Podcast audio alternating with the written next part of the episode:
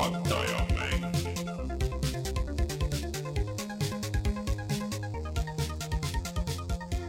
tere tulemast, on reede, neljas oktoober aastal kaks tuhat üheksateist, on aeg puhata ja mängida. mina olen Rainer Peterson, minuga täna siin Rein Soobel tere. ja Martin Mets. tere, Oi, tere! tere poisid, päris elus Martin ja päris elus Martin. see vaenulikkus sinu hääles, Rainer, ei ole väga hästi varjatud. no natuke tuleb tögada, et siis, siis Siis ikka järgmine kord Martin, sa ei olnud minu jaoks olemas mm. -hmm. sel hetkel, kui ma sind vajasin. Äh, aga ühesõnaga Martin on tagasi, aga Martin ei ole viimane inimene, keda ma tutvustan siin, sest et äh, tegelikult ukse taga ootab oma järjekorda Sulev Ladva, kes tuleb, räägib kõikidest äh, spordimängudest või no vähemalt äh, Fifast ja siis äh, sellest va- me küsime talt kohe väga värskeid muljeid, ta mängib, ta mängib ukse taga WRC kaheksat okay., me kohe saame teada, kuidas tal seal läks. Okei, ja, ja ta mängib seda rooli ja rallitooliga ja just, et äh, kohe pime, pimedas täiesti. et Rein äh, on meiega pool saadet, siis Reinu lööme lihtsalt minema siit ja siis äh, Sulev tuleb, istub Reinu asemele ja siis ja. Sulev räägib lõpuni ära. ma plaanisin alguses koju jääda, aga, aga ma sain oma uue Valve indeksi peaseadme ja pean natukene muljeid jagama selle kohta ka ikka tundsin, et et et see on minu püha kohustus ikkagi VR kommuuni mm jaoks. Mm.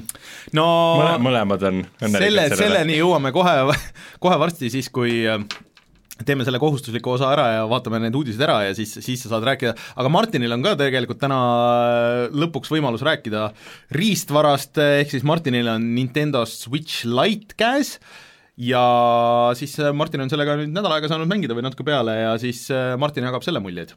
jaa mm., need saavad olema äärmiselt igavad, nii et olge ootel. aga täpselt enne- nagu Nintendo Switch, ainult et ei saa teleka külge panna. ennustan mina mm,. vaatame kohe. Ja siis äh, käime kõik selle olulise osa läbi, ehk siis äh, nagu ikka, siis äh, meid leiab igalt poolt internetist, näiteks SoundCloudist, näiteks Spotify'st, ma just jagasin teiega infot, et Spotify kasutus ikka päris hoogsalt tõuseb iga nädalaga meil. Spotify on hea platvorm. Spotify on hea platvorm, kahjuks eriti kui sa maksad neile raha. Jah, ma ei teagi, kas podcast'i üldse saab ilma raha maksmata kuulata.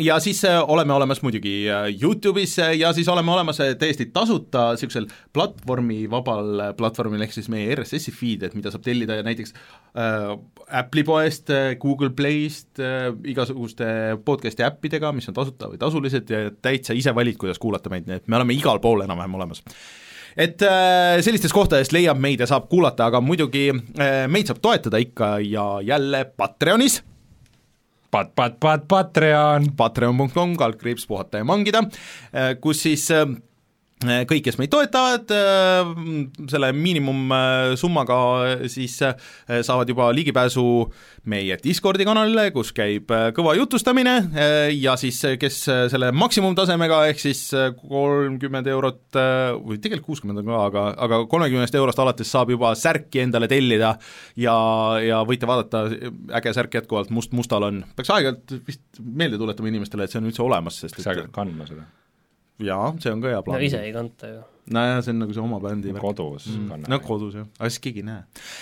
Anyways, ja seal äh, Patreonis siis äh, tahaks tänada David Jürit, Felissit ja ML Linuxit, aitäh teile veel eraldi ühesõnaga, meie Youtube'i kanalit ma juba mainisin, eelmine nädal läks üles sinna video Legend of Zelda Link's Awakeningist, millest ma täna räägin natuke veel, aga täna läheb selline suhteliselt üllatuslik video see võib-olla. on äh, suur mänguseeria ja meil ei ole selle kohta, see ilmub iga aasta, meil pole selle kohta ilmunud ühtegi videot, välja arvatud vist ühes nädalalõpus. ühes nädalalõpubossis me mängisime, ehk siis äh, meil tuleb video FIFA kahekümnest ja mina mängin FIFA kahtekümmet koos Sulev Ladoga ähm,. see on eepiline lahing, võib-olla sellest vi- video, videost ei räägigi äh, rohkem pikemalt, minge vaadake, see on loodetavasti seal kohe varsti olemas, kui juba ei ole, aga Sulev tuleb, räägib pika, pikemalt siis veel, et mis on FIFA kahekümnes uut ja, ja kas ta on parem kui eelmise aasta FIFA ja,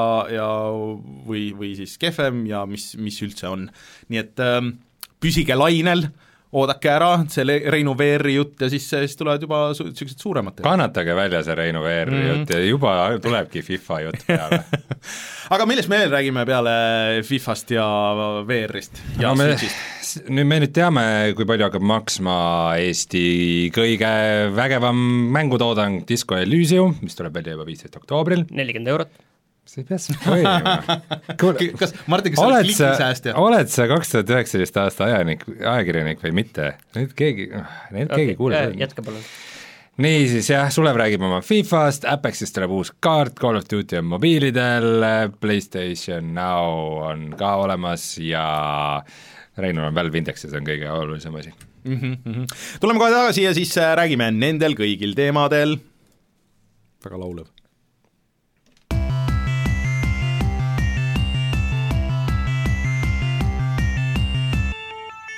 Uudised mis, mis me räägime sellest uudisest, kui Martin juba ära spoilis nagu no- Disco Elysium on nelikümmend eurot. aga mina võitsin, mina ütlesin, et äh, see ilmselt tuleb nelikümmend, te kõik ütlesite, et no ega see, et paremal juhul kakskümmend, viletsamal juhul kolmkümmend, aga ma ütlesin, et midagi, mingi sisetunne ütles, et äh, nad ei anna seda ära alla mina neljakümne,. Mina, ma ei ole kindel, kas ma ütlesin. ei, mina ennustasin, mäletan ka kolmekümmend, aga noh, selles mõttes, et ega see on konkreetne, viisteist oktoober tuleb välja, eks me siis saame näha, kas see on seda väärt või ei ole Mm -hmm. et äh, ma saan aru, et saatesse kahjuks sealt me kedagi ei tule meile rääkima, sest ma saan aru, et plokk on pandud peale Eesti meediale, välja No arvatud tundub vist jah, et äh, välja arvatud vä- valitud äh, väljalaskjad. me ei ole valitud kahjuks no kahjuks ei ole jah.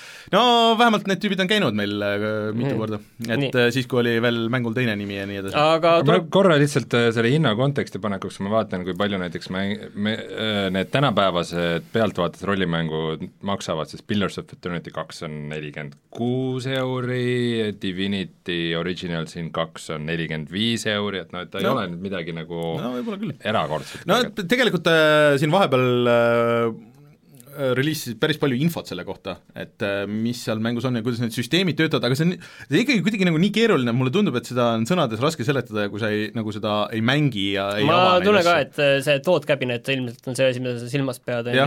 et ilmselt äh, no mängime seda ja siis vaatame, kuidas Need see sinna skill'id, konteksti läheb. see skill'id ja nende süsteem tundub ikka, ikka nagu päris hullumeelne, et kas Ja- ta nüüd, kas ta nüüd heas mõttes hullumeelne või halvas mõttes hullumeelne, et noh, loodame aga igal Ja see visuaal, mis seal Visuaal juures on, see on ikka väga äge. Ehk siis korraks nagu natuke nii palju, kui mina aru sain, et, et et sa nagu avad erinevaid nagu nagu skill'id on nagu sinu mingisugused mõtted ja mingisugused sinu isiksuse osad, mis omavahel nagu ristuvad ja kuidagi orgaaniliselt, mitte sa ei vali nagu seda, ei tee seda puud nagu ei ava, aga aga sa avad erinevaid asju ja siis need hakkavad üksteist mõjutama, ma saan aru, et sealt tuleb vastavalt sellele, mis valikuid, tegusid ja, ja dialoogi valikuid sa oled nagu mängus teinud ja, ja siis selle võrra see skill natukene teistsugusem vastavalt sellele. jah, ja, ja, ja see mängib nagu teiste asjadega nagu kokku ja niimoodi, et et skill'id on veidike nagu karakter. siin, siin on kaks asja, kaks varianti põhimõtteliselt, et äh, see on jumala äge ja see töötab tõesti niiviisi, et see jätab mulje, et see on nagu tõesti Mhm. mm -hmm. fantastiline, või teine variant on see, et sa mängid nagu igatpidi ja tulemus on sama, on ju, mis on David Cage'i mängudes näiteks mm -hmm. tihtipeale või no Et kui kas või Walking Deadis nagu on ju, et seal on tunne, et oi, sul on hästi palju valikuid ja võimalusi, aga tegelikult see läheb lineaarseks, või see ongi väga äge ja see töötab jumala hästi. mm, no paar nädalat veel ja siis äh, saame ise järgi proovida, et vähem kui kaks nädalat. mm. -hmm. Ootame huviga ja ootused on kõrgel mm. -hmm. Apex Legendsis on äh, uus kaart ja uus tegelane ja see kaart ei ole mitte lihtsalt, et sa saad valida, vaid nüüd ongi uuel kaardil toimub kogu asi. ja, ja see on juba väljas, see kõik, see on osa sellest äh, season kolmest, aga ma saan aru, et see kaart tuleb ikkagi kõigile, et sa ei pea nagu ostma seda season pass'i, et äh, seda uut kaarti saada, sest et lihtsalt see asendab ära. ja minu vend, kes äh, muidu siin, ma olen siin korduvalt maininud, et ta on muidu olnud kõva FIFA mängija, nüüd ta viimased aasta aega on olnud, või noh, nii kaua kui Apex on väljas olnud, siis ta on mänginud ainult Apexit ja ta vist esimene aasta äh, mingi kümne aasta jooksul, kus ta ei ost-, ole ostnud Fifat juba väljatulekul, et äh, ta oli natuke pettunud selles, et äh, pärast seda esimest päeva, et äh, et see esmamuljete põhjal see uus kaart, kuigi seal on mingi rong, mis sõidab äh, üle selle kaardi nagu kogu aeg ja siis see nagu ka mängib sinna juurde, et sa saad seal rongi peal olla ja, ja mingeid asju ja et inimesi rongi alla visata ja jah, põhimõtteliselt, et, et see on nagu äge, aga et, et see kaart ei ole nagu nii konkreetne, aga samas ma just ise mõtlesin, et võib-olla see on lihtsalt see, et kui sa tead seda teist, seesama nagu nagu selle pubgi esimese kaardiga, et kui sa tead seda juba nagu nii läbi ja lõhki ja sind visatakse sinna uude, siis äh, mis tundub nagu võõras nagu veits, et siis võib-olla lihtsalt ei tundugi nagu sellepärast nii äge. see on muidugi veider, et kui mingit varianti ei ole nagu vana mäng. no nad ütlesid, et nad selle hooaja käigus, et praegu, praegu on äh, see uus kaart, et nad mõtlevad välja, et kuidas see vana kaart tagasi tuua, et kas see hakkab olema niimoodi rotation'is, et sa noh, kunagi ei tea,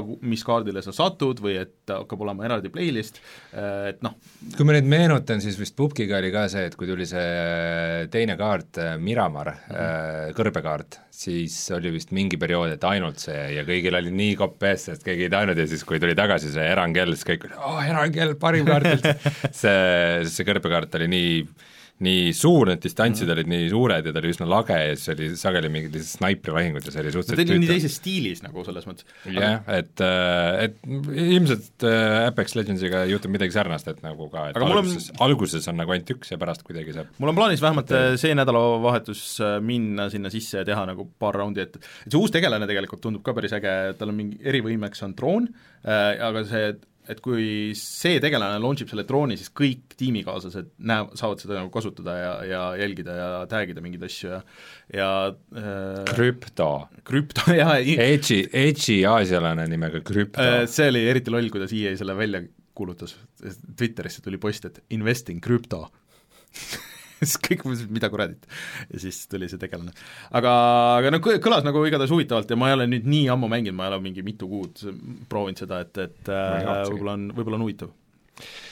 Uh, Masters of Doomi seriaali peaosalised on teada, kas ma teadsin varem, et Masters of Doomist tehakse seriaali või, vist on ikka läbi käinud? see on äh, läbi käinud, aga minu meelest me võib-olla oleme lihtsalt viimasel hetkel välja jätnud, sest et äh, üldiselt ei ole mõtet nendest arvutimängu või mängude põhjal tehtavatest seriaalidest ja, ja mäng, filmidest enne rääkida, kui kas midagi on väga konkreetne või treiler on väljas või nii edasi. meil on hea meenutus see, et Uncharted'i filmist me ei peaks rääkima enne mitte ühtegi sõna, kui on teada, et see on homme kinodes. see just oli ei, ma just ütlesin seda, et ei. aga kui sa vaatad neid, vaatad neid äh, tüüpe, kes sinna on valitud siis mängima John Romerot ja John Carmackit, siis äh, ma näen küll seda. Nad on sarnased. suhteliselt äh, tundmatud tegelased minu meelest, Eduardo Franco ja Patrick Gibson, kes hakkavad mängima seda no jah, pigem see, et seal näitleja lihtsalt ütleb, et see on, see on Ja- nagu päriselt ikkagi Just. töös. äh, ma arvan, et nagu, nagu parim võimalik oleks, et nagu mingisugune äh, veits nagu niisugune see Silicon Valley teema ja mm -hmm. veits nagu Stranger Things, kuna see on nagu veidike mm -hmm. noh, varasem ajastu ja nagu see, et midagi seal äh,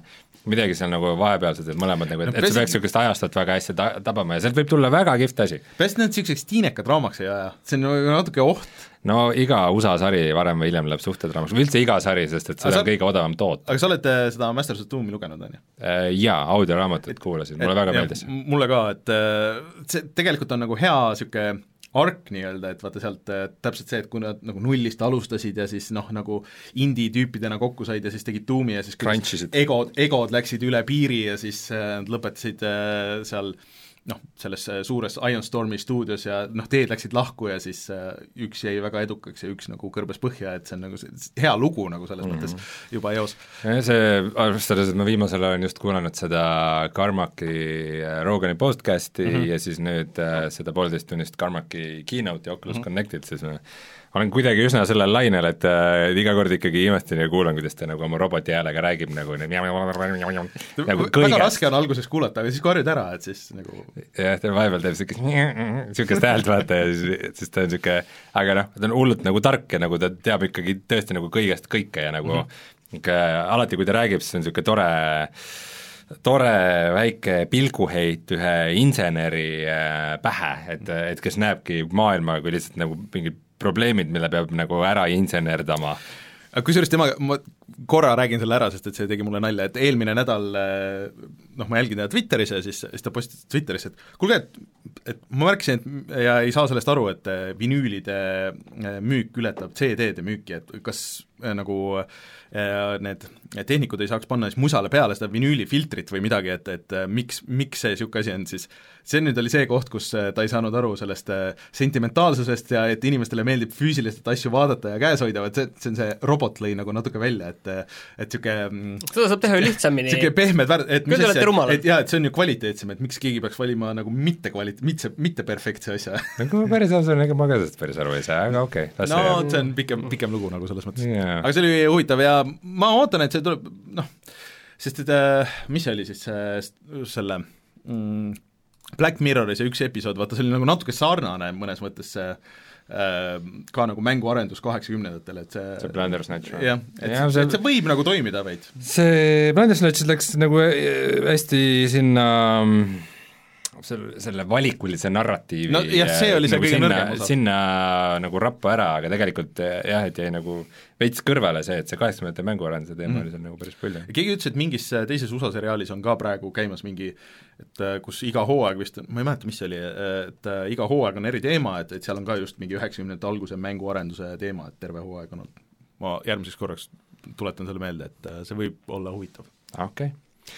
Aga olles meie Call of Duty spetsialist olnud kuni eelmise aastani, kus ma enam ei viitsinud, siis äh, mina pean tunnistama, et mina ei tea mitte midagi Call of Duty mobiilimängust, aga Martin oskab sellest palju rääkida. see on väljas, Eestis ka, Android, iOS äh, ja see on, ma saan aru, et see on üldse nagu kõige hullem ja mis on üllatav, on see, et seal on need äh, kõik mängulaadid olemas mm, -hmm. Battle Royale, Deathmatchid, Team Deathmatchid, mingid asjad veel, kõik, kõik erinevad mängulaadid, nagu seal päris mängus on, aga lihtsalt mobiilis. Äh, mul isegi korra lööb ette, kas seda isegi saab mobiiliga vist mängida hiire klaviatuuriga või? jaa, täpselt, ja kuuldavasti inimesed seda ka teevad ning see valmistab kõigile väga palju rõõmu, eriti nendele, kes seda teevad. aga ma tahtsin, ma tahtsin tegelikult proovida seda, mul läks täiesti meelest ära, aga mul oli see nagu niimoodi, oh, et ma kohe tõmban ära, aga eh, ma kuulsin, et see on tegelikult päris hea eh,, aga kõige veidram selle juures on see, et eh, kuidas see kontroll töötab, et vaata, muidu on nagu tehtud niimoodi, et noh, et sul võib-olla on nagu auto liikumine või auto sihtimine või midagi, siis selles pidi olema auto tulistamine ei, see on, see oli ka mm, isegi Fortnite'is oli auto tulistamine, jaa, seal Fortnite'i mobiiliks on ka see, et kui sa auto tulistamine. see tähendab see, et kui sa sihiku paned vastase peale, siis automaatselt tulistab. Et sa ei pea nagu- see, vaata tüütu tegevus, see, et sina pead- tegeled kontrolliga. sa pead nuppu, vajutama ja see vist nagu touchscreen'iga on loogiline, et nagu, et paned nagu sihiku peale ja siis pead veel toksima ka, et see võtab nagu liiga ja kaua see on aega. täiesti või-, ja see on noh, kuidas sa hoiad nagu seda telefoni käes ja nagu, et, et kõik need asjad. no teistpidi muidugi see on ikkagi üks oluline liigutus, mida sa seal teed, on ju. no ma arvan, et seal kindlasti saab äh, muuta neid asju, ma korra tahaks nagu proovida lihtsalt, et puht põhimõtteliselt, et äh, kui mugav või mitte mugav see on. aga olles nüüd viimasel ajal järjest proovinud igasuguseid mobiilimänge, siis noh, jaa, aga ei, kui tahate, võite proovida, sest see on tasuta, aga noh, olge valvsad, et need mikromaksed on seal kohe nurga taga olemas, nii kui, nii kui valesti vajutad, siis juba maksad. arve tuleb. aga no selles mõttes muidugi märgiline tähtsus, et kuhu me oleme jõudnud, et, et äh, et siin isegi ma näen mingisugust, mingisugust nagu rolli sellele, et, et, et ütleme, et keegi tahab osta mänguarvutit, aga lükkab seda edasi, et noh, et kui papi kokku saan, et siis panen kasti kokku omale ja mis iganes, või noh, konsooli mm -hmm. siis äh,, aga aga tegi nagu investeeringu, et, et ostis mitte mingi suvalise telefoni, vaid ikka kallima telefoni mm, -hmm. et et siis see aeg, kui tal ei ole veel äh, seda arvutit või konsooli, et siis ta saab Call of Duty't mängida oma mobiilis ja võib isegi oma komplektile juba ette osta selle hiire ja klaviatuuri ära ja juba need ära ühendada ja juba nagu saadki sul on, sul on, sul mulle tundub, et see on vale su sihtgrupp. mõtte, mõttekäigud on väga veidrad, ma ma, ütleks ma arvan, et see on pigem see sihtgrupp, kes muidu on ostnud selle Xbox'i või Playstationi ja siis noh, vahest tahaks midagi mängida, et vahest on meeldinud seda Call of Duty't mängida, vahel teeks paar raundi. aga nüüd on see, et äh, kui sa vedeled ja sul on see mo-, moment, on ju, et mitte sa ei võta seda pulti, sa ei pane seda telekat alla, sa lihtsalt võtad selle telefonis lahti, sa teed need paar raundi ära ja sul on see nagu äh, kihk on täidetud. või, see, te, või te lähete nii hullumeelselt ei ole, mis asja, see on kõige ei, ma loogilisem. sain aru, ma sain aru, kus see sihtgrupp on, see on see, vaata, ma mängisin seda Modern Warfare'i betat, eks mm, -hmm. ja see lobi aeg, mis sa pead lobis mm -hmm. ootama, on ikka suht pikk. Et nagu kui sa tahad sel ajal äh, mängida Call of Duty't, kui sa seal lobis oled, siis sa saad või siis mobiiliga mängida. Activision on ju, annab ka välja World of Warcrafti, ehk siis nad teadsid, et kui sa istud seal selles äh, järjekorras viis tundi ja ootad, et millal sa mängida saaks, siis sul peab olema midagi muud teha telefoni peal ja siis nad andsid selle välja. see, mina mängisin arvutis Modern Warfare'i samal ajal, kui mul oli WoW Classic lahti järjekorras, et no aga kõigi, kõik ei julge niimoodi alt tabida äkki see oli, et kõik ei tea alt-tabimist, aga telefoni kättevõtmist teavad kõik. aga sellega seoses ma ütlen lihtsalt ühe lause, et see Poop Light tuleb ka Eestis välja täpselt nädala pärast, kümnendal oktoobril, aga ma ei ole kindel, kas keegi Book Light, aa, see oli äh, see on siis arvuti arvutitele Pupki see lihtsam versioon, kus on väga palju botte. mm, okay. võtaks siis väikse Bud Lighti ja räägiks Bud. Lighti või? Nii, aga lähme nüüd PlayStationi uudiste juurde, et äh, PlayStation Now tehti odavamaks, varem oli see viisteist eurot kuus ja nüüd on siis kümme eurot kuus, ehk siis see on PlayStationi striimiteenus, kus saad päris mm -hmm. suurt hulk, mitusada mängu oli seal ikka, mida saad mängida. aga seal juurde tuli veel see uudis, et mõned mängud on, mida enne seal ei olnud, on nüüd seal näiteks God of War, ehk siis Rein, sul on võimalus mängida God of War'i arvutil, ühendades äh, PlayStationi pult äh, arvutiga ja siis sa saad seda striimida. sa peaksid isegi saama edasi mängida samast kohast, kus sa küll. mängida said, aga sul peab selleks olema ilmselt PlayStation plussi see teenus ja peale, jah, et sa pead neid- üles saama lasta vähemalt. jah, et saaksid neid äh, salvestusfaile liigutada. see kõlab kõik palju mugavamalt kui see, et ma istun diivanile ja panen oma PlayStation nelja käima üle aasta ja aga tegelikult, kui lihtsalt korra nagu tagasi tõmmata, siis see see asi, et PlayStation Now on kallis, sellest on väga palju räägitud ja ilmselt on väga mõistlik, et nad selle odavamaks tegi no vaadates, mis no- Microsoft teeb, siis ega neil ei ole nagu võimalust äh, arvestades, et see kuu peaks tulema see Microsofti striimiteenus ka ikkagi äh, kasutavaks. mm. -hmm. aga see on ainult ka vist osadele, mitte kõigile. Nad on betas vist Jah. jah, et ilmselt sa pead äh, opt-in ima või midagi. ja teine PlayStationi uudis on see, et see crossplay, et nüüd nad lubavad seda kõikidele mängudele väidetavalt, et seda ei ole, see ei ole veel kinnitatud info, aga väidetavalt on arendajatel käes see võimalus kõigil uued mängud, mida tehakse, sinna kohe sisse panna crossplay arvuti ja Switchi ja Xbox'i One'iga. Äh, Eelmine nädal me natuke nä- rääkisime, et selles äh, Call of Duty betas juba oli võimalik ja see oli isegi täiesti hästi to- ja kusjuures pubgis on nüüd olemas juba, et siis Xbox'i ja PlayStationi mängijad saavad äh, üksteisega võidelda. nii, aga sul on kas kaks, mainisid, et GTA viis ka tuleb sinna PlayStation Now'sse või? Seda ma isegi ei märganud hmm,. see ei ole küll väike uudis, et lisaks God of War'ile Uncharted neli, Infamous Second Son ja GTA viis. mm.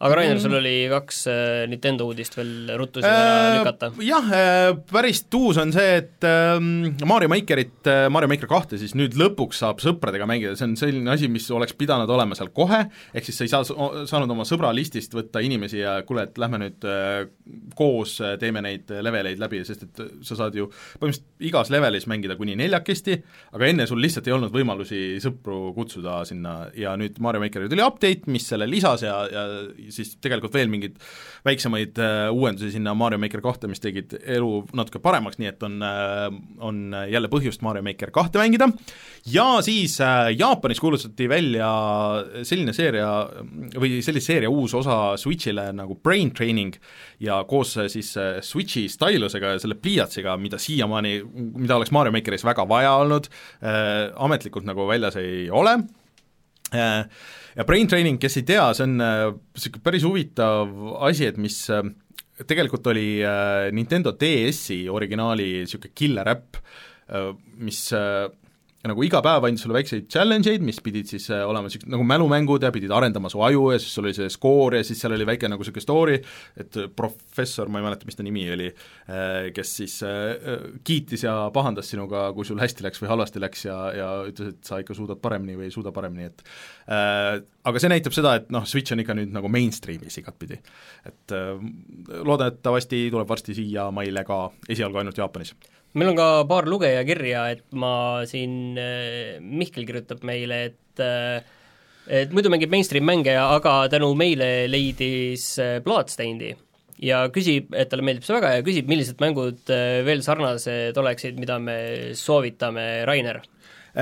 Platvormid on Xbox ja PC, siis tegelikult esimene asi, mida mina soovitaks, oleks võib-olla see Ori, Ori and the Blind Forest, siis Axiom Verge, no mida ta otsib tegelikult, on äh, siis Metroidvania mängud mm. ja muidugi tegelikult äh, Xboxil, ma ei tea, kas PC-l on, vist ei tulnud äh, Xboxil on see kolmesaja kuuekümne versioon ja PlayStation neljal on see nüüd uus versioon sellest äh, Castlevania Symphony of the Night'ist, mis on siis ikkagi nagu see põhi, või põhi see OG nagu selles mõttes mm. mm. ma lisaksin ühe veel juurde siis, et äh, Shadow Complex Remastered on olemas äh, ka kõigile platvormidele neil olemas. Ja see on ka odav ilmselt seal viieteist euro kandis. lühi, lühike ka, et no ikka viis-kuus tundi selline, aga ta on hästi mõnus, selline voolav, sellise hea flow'ga. aga üldiselt, kui kuskilt alustada, siis tegelikult Castlevania, et see võtab noh, eriti kui sa mängid Bloodstainedi ja siis sa mängid seda Castlevaniat sinna otsa, siis sa saad aru, et okei okay,, et see on seesama ja mulle inimene, just näiteks üks asi, kui sa tahad sellist minimalismi mm -hmm. ja lihtsust, siis Action Verge mm, -hmm. aga kui sa tahad näiteks nagu tulistamist panna sinna valemisse, sellist natukene mm -hmm noh, lihtsasti, selline lihtsasti seeditavam asi, aga samas ikkagi piisavalt sügav, on siis see Shadow Complex. näe, ja Ori on jälle teises võtmes, et äh, Ori on äh, rohkem seda ilus, aga raske. ta on platvormimist nagu rohkem selle kõige juures, et seal ei ole seda tulistamist ja seda nagu niisugust pusle nuputamist võib-olla nii palju.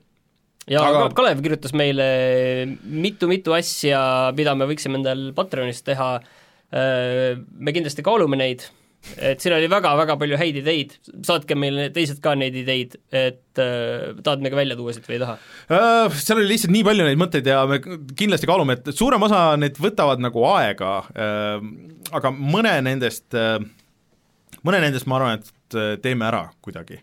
Et äh, natuke keerulisem oleks äh, no ärme siis detailidesse mine, ja, kui me ja see on tõesti, see on väga pikk kiri, me väga hindame seda pikka kirja. ma tahtsingi sellepärast me selle ära mainida, et äh, vä- väga hindame seda kirja.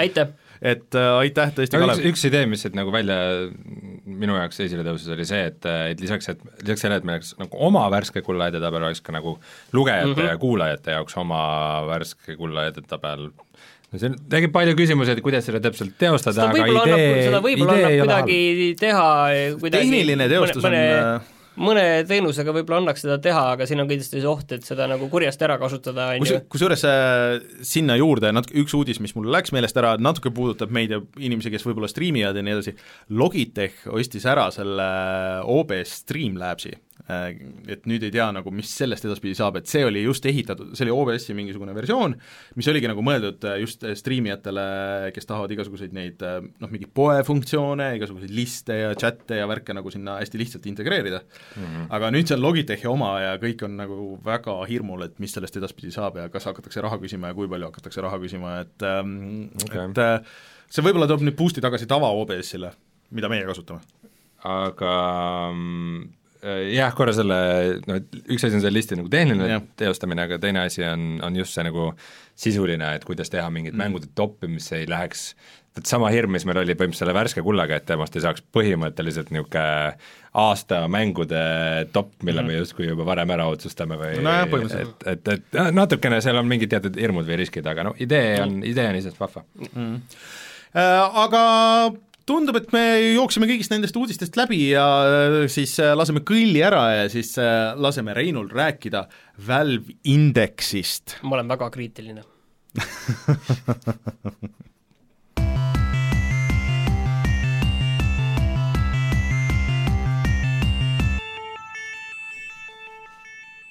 miks sa kriitiline oled? Äh, palju see maksab, see peaseadeldis, mis siin äh, ma proovin laual on? peaseadeldis kui teie räägite. siin on vaata nii palju juhtmeid, oi, ma ei saa, vaata siin on nii palju juhtmeid, oota, oota, siin on mingi üks meeter soovitan vaadata videoversiooni, kui tahate näha, et issand, siin issand, issand, issand. näha, kuidas rohkem kui PlayStation VR-il, vaata ma proovin need kõik siit anda. rohkem kui PlayStation VR-il. ja see on nii jäik juhe. siin on täpselt kümme juhet vähem, sest see on üks juhe ja PlayStation VR-il on üksteist nii, aga palju see maksab?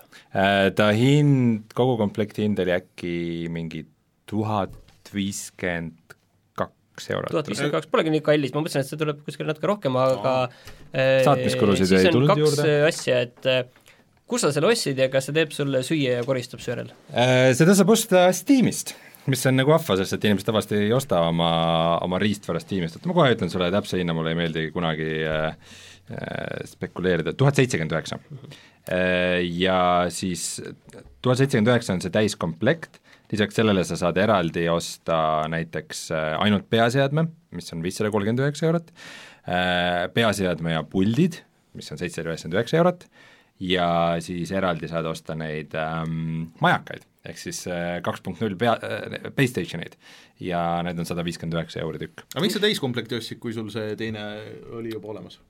Ma põhimõtteliselt oleks saanud ka osta ainult jah, selle peaseadme ja puldid, aga mm -hmm. teatud tööteemade jaoks võib-olla on vaja või on vaja teist äh, kuhugi mm. eraldi kasutusse panna, aga põhimõtteliselt jah, et kui kellelgi on olemas näiteks äh, tavaline HTC Valve äh,, HTC Valve, võib-olla endal ka sassi, tavaline esimene HTC Vive äh,, siis sa saad osta lihtsalt peaseadme ja see töötab su majakatega, see töötab su pultidega äh,, ja samuti sa saad osta ka lihtsalt peaseadme ja puldid ja see töötab su majakatega. ja mul on, mul on see, mul on üks pult on siin ka kaasas, võite seda ka proovida mul on kohe üks küsimus, et äh, siin on ees selline läikiv paneel ja mhm. kaks mingit kaamerat, et no, milleks? sa saad selle läikiva paneeli ära võtta äh, ja siin sees on niisugune müstiline tühimik, mitte keegi ei tea, mille jaoks see müstiline tühimik siin on. siin ma näen, et siin on üks USB pesa. põhimõtteliselt saad sinna mingit käte jälgimistehnoloogiat või mingid lase, osad isegi panevad mingeid ekraane siia, mis näitavad umbes, et mis mängu sa mängid mm. ja siis on, näed seda siit klaasi alt kumamas või mingit Robocopi seda Night Rideri tead see? jaa, kui närid nätsu, siis võid selle nätsu siia ära panna, kui tahad maha visata või? see on ka variant, aga seda USB auku ma ei soovitaks võib-olla panna. nii, aga räägi nüüd, äh, miks sa selle asja üldse ostsid? nii, ma ostsin selle mm, sellepärast, et see peaks praegu olema nagu kõige parema Fidelity'ga peaseade. mis see Fidelity siin nagu tähendab? no ütleme muidugi üldine audiovisuaalne kvaliteet, äh, aga mm, nagu üks asi, millest räägitakse kõige rohkem VR-i puhul, on reso nagu resolutsioon mm. -hmm. ta resolutsioon on, on hea, vist natuke parem kui Vive Prol, aga aga nüüd näiteks äh, HTC Vive'i uus peaseade Cosmos on vist isegi näiteks kõrgema resolutsiooniga, aga mis on, e-, mis on äh, väga hea, on äh, field of view ehk siis vaatevälja ulatus. et nagu need läätsed lähevad sulle silmadele suht lähedale ja sa näed nagu suhteliselt laialt et tavaliselt VR-iga ongi niisugune tunne, nagu sul on binokkel on peas, sa näed nagu august läbi ja selline väike nagu lehter, et alguses on äh, kitsam ja siis pärast läheb nagu laiemaks vaateväli, on muidu. jah, et nad on silmadele hästi lähedal, need läätsed, ja lisaks sellele tähendab, ongi nagu esimest korda, mustad ääred ikkagi on, et päris nii lai see vaateväli ei ole, et, et on kuskil seal sada kolmkümmend kraadi või isegi sada kolmkümmend viis. palju inimesel muidu on äh no päris sada kaheksakümmend ta ei ole, ta on ikka vähem. mingi sada viiskümmend vist. sada viiskümmend jah. ja et muidu peaseadmetel on standardiks on sada kümme pigem mm. -hmm. Äh, aga see peaks olema mingi saja kolmekümne lähedal äh,, Valve Indexil ja see on nagu väga suur asi. see on nagu minu jaoks ikkagi muudab päris mm palju, et äh, et see, et sa saad nagu, tavaliselt kui sa VR-is ringi vaatad, sa pead kogu pead liigutama, aga see, et sa saad nagu silmadega ka vaadata nagu mm. eri suundades ja see on nagu aa, selles mõttes, aa, ma saan aru, nagu, nagu ma praegu olen, nagu ma praegu olen ka, et ma saan natukene sa liigutad oma silmamunasid ja jah, et ma ei pea pead pööramata, näen natukene mingit perifeerselt, on ju. just. ja teine asi on see, et refresh rate on kõrge.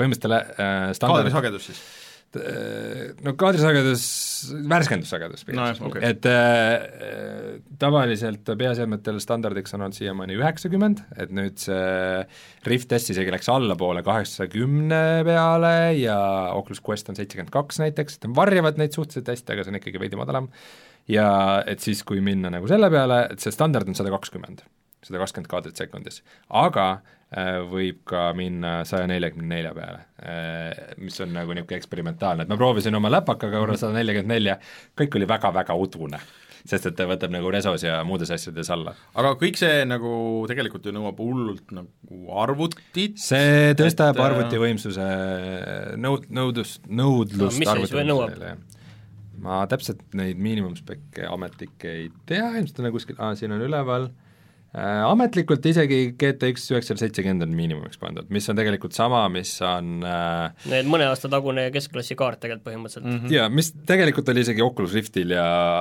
tavaliselt see Vive'il, kui need välja tulid, nii et selles mõttes see miinimumnõue on no. sama, äh, soovituslik on GTX tuhat seitsekümmend, mis on aga, mul täpselt siin läpakas. aga ma vaatan, et sellesse jookseb tegelikult nagu üks juhe, aga siis see juhe läheb kolmeks. juhe läheb kolmeks, et äh, ta tahab mis... voolu, ta ta-, et siis tal on displayport mm -hmm. ja kus minul on veel läpaka jaoks mini mm -hmm. displayporti mm -hmm. adapteri otsas ja mm -hmm. siis äh, USB mm. -hmm. Äh, aga ma tahtsin sellest ekraanist asjadest veel rääkida, et äh, üks asi on nagu reso, aga teine asi, mis mulle nagu uuemate peaseadmete juures meeldib, on see, et pikslite täituvus mm -hmm. või nagu see fill factor et äh, näiteks Vive Pro, mis on siis poolteist aast-, poolteist aastat tagasi tuli välja, oli väga kõrge resoga, kui ma panen peale Valve Indexit, nagu panin Vive, Vive äh, siis Vive Vive Pro. Pro panin mm -hmm. pähe, see on see, et tal võib reso kõrge olla, aga nagu ta on niisugune mustasid terasid täis mm, -hmm. eks. kui sa nii lähedalt vaatad sellist ekraani, siis sa näed neid Just. piksleid see on umbes sama, kui sa paned telefoni silma ette ja siis sa lõpuks lihtsalt näed seda pikslite vahesid, on ju. täpselt, et, et need pikslite vahed on ka seal Valve Indexil nagu väga väiksed mm, -hmm. aga miinus on see, et see ekraan on LCD mm, -hmm. ehk siis äh, tal ei ole nii sügavad need mustad toonid äh, nagu näiteks Oculus Questil mm, -hmm. mis kasutab okay. Oled ekraani. ja positiivsest asjast üks asi, mis tuleb kindlasti välja tuua, on veel heli.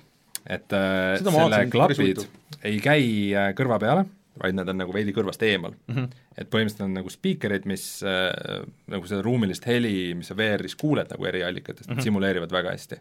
et ma näitasin just nädalavahetusel ühele sõbrale, kes on niisugune bändimees ja kõva audiofiil mm, -hmm. ja ta proovis mingeid asju, võttis peast ära, siis proovis keegi teine ja ta ütles, oota, mis asja, et need olid kõrvaklapid või? Et põhimõtteliselt äh, ta mängides arvas, et mul on äh, ruumis mingisugune spiikerisüsteem okei okay. et kogu heli tuleb spiikeritest, et see suutis nagu audiofiili ära aga petta. aga kas see selles mõttes äh, seda ei, seda momenti ei tekita, et, et sa ei saa nagu või noh, see ju kostab ikkagi välja nagu. ta kostab välja, aga seda kostab palju vähem välja, kui ma oleks arvanud, sest ma ise alguses kuulasin nagu üsna, panin üsna kõvasti, et ma kuuleks seda heli kvaliteeti mm -hmm. ja saaks nagu võrrelda, ja ma mõtlesin küll, et nagu teises toas ja kõik, kõik nagu kuulevad ka kõike, mida ma teen, aga pärast, kui ma nagu väljaspoolt kuulsin, kui keegi teine midagi teeb, siis see on ikkagi väga vaikne nagu, et see on mm -hmm. väga suunatud heli ja ta on, ta on mõnus heli, ta on bassine mm, -hmm. äh, võrreldes Vive Proga, mis maksab rohkem ja mille, mille spiikrid on nagu täie-, või need kõrvaklapid on täielik crap mm. -hmm. Äh, ja Oculus'e uuematel seadmetel pole üldse kõrvaklappe. no see on ju see PlayStation VR-i veel kõige õudsem osa, et, et lisaks sellele, et sul on miljon juhet selle, selle peaseadme küljes, siis sa pead veel nööbid. oma mingid klapid panema, kas nööbid või pea, peale need kõrvaklapid just, just see mm, vaata, Valve'il on ikkagi see vana nii-öelda suusamaski disain, on ju, et sa tõmbad selle vastu kukalt omale mm -hmm. kõvasti selle siit nupust keerad kinni ja tõmbad omale mm -hmm. selle kõvasti pähe, aga osadel peaseadmetel on nii-öelda halo disain, et sul on see võru ümber mm -hmm. pea näiteks Rift S-il või, või siis PlayStation VR-il uh, -huh. aga see halo disain teeb nagu väliste kõrvaklappide paneku nagu väga raskeks Aa, sest et vaata, klappidel sul on ju tavaliselt see kaar on seal peal ja siis ainult nööbid siis siis põhimõtteliselt, et sul on nagu väga kaugel peast need või need peavad väga pikad mm. olema või kusagilt alt paned või et see mm -hmm. ei ole nagu üldse väga äge variant tavaliselt. nii, aga räägime nüüd mängudest, mida ja kuidas sa selle peal mängid, et äh, see on Steam'i oma, nii et sa mängid Steam'i mänge, aga Oculus'e mänge või mida veel, kuidas äh,? Oculus'e mänge teoreetiliselt saaks Revive'iga siia peale portida, aga seda ma väga palju ei ole kohanud, põhimõtteliselt ikkagi Steam ja millest ma ei jõudnud rääkida veel, räägime veel, veel riistvarast, on siis äh, puldid, ehk siis sellised ähm, vanasti nimetati neid Knucklesiteks, nüüd on nende uus nimi on Valve Index äh,, Valve Index Controller äh, või lihtsalt Index Controller.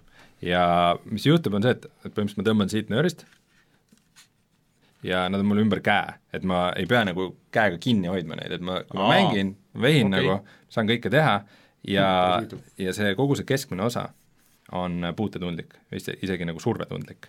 ehk siis äh, kui mul on see käes mm, -hmm. siis ma näen nagu äh, VR-mängudes, mis seda toetavad, mis see list nagu on juba päris pikk ja läheb järjest pikemaks, siis ma näen äh, nagu oma kõiki sõrmi mm. -hmm. et kui mu sõrmed on siin peal, siis, siis ma näen nagu, et minu virtuaalsel mm -hmm. käel samamoodi lähevad äh, sõrmed ja noh, põhimõtteliselt saab isegi nagu eri astmel nagu vajutada, et umbes, et kui nad on niimoodi või äh, et kui ma, et näiteks, et ta saab aru, et mul on näpp päästiku peal versus see, et ma vajutan selle alla ja siis ma vajutan päästikut, et nagu, et noh mm -hmm., see on nagu erinevad mm -hmm. tasemed, pluss ta on nagu pigistamistundlik, et ma saan mingeid asju nagu erineva jõuga hoida ka, et äh, esimene asi, mis ma proovisin nende pultidega, siis on äh, Valve'i enda tehtud demo, see toimub äh, Portali maailmas mm, -hmm. selle Jälle. nimi on äh, vist Aperture Hand Labs või midagi sellist, ja kus sa põhimõtteliselt oled robot, kes pannakse sind mingisse testi ja siis sa pead nagu käte abil suhtlema erinevate teiste robotitega.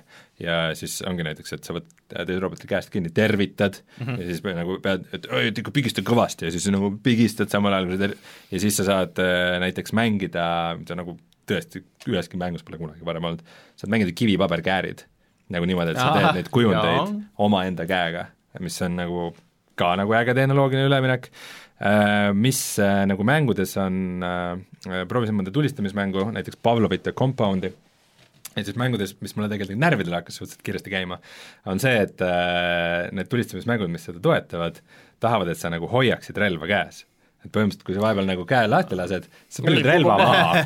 et see ongi, et sa oled nagu mingi kõva nagu badass kuskil tulistamismängus ja siis järsku kõnnid ja siis oih, relv kukkus maha, et ma võtan selle relva nüüd üles ja siis oih, jälle nüüd kukkus. et see, see mulle käis veidi närvidele, aga äh, positiivne asi on see, et äh, esimest korda VR-is mul tuleb asjade viskamine välja. et nagu tava, noh tavaliselt on see, et sul on nagu nupp siin mm, -hmm. sa vajutad selle nupu alla, et ütleme, võtad kuskilt omal siin rinna pealt granaadi, tõmbad mm -hmm. teise käega pinni ära ja siis nagu sa pead nagu sel hetkel nupu lahti laskma, kui sa vajutad. ja tavaliselt mis juhtub, on see, et sa viskad granaadi oma nina alla ja see lendab õhku ja mäng on läbi. aga nagu selle Valve Indexiga see viskamine on nagu mm -hmm. ülinaturaalne, sest sa nagu lihtsalt lased lahti, eks, nagu, nagu sa päriselt laseks. ja see toimib suurepäraselt aga kas tahaks juba vibra..., ma ootan juba seda Pavlovi mängimist. kas neil on mingi vibra ka, et sul mingi nii tagasiside nagu selles mõttes on ka, jah? jah, haptiline tagasiside, et väike mootor on sees, mis siin põriseb äh,. Tore on ka see, et tal on siis nüüd äh, ilusasti ka see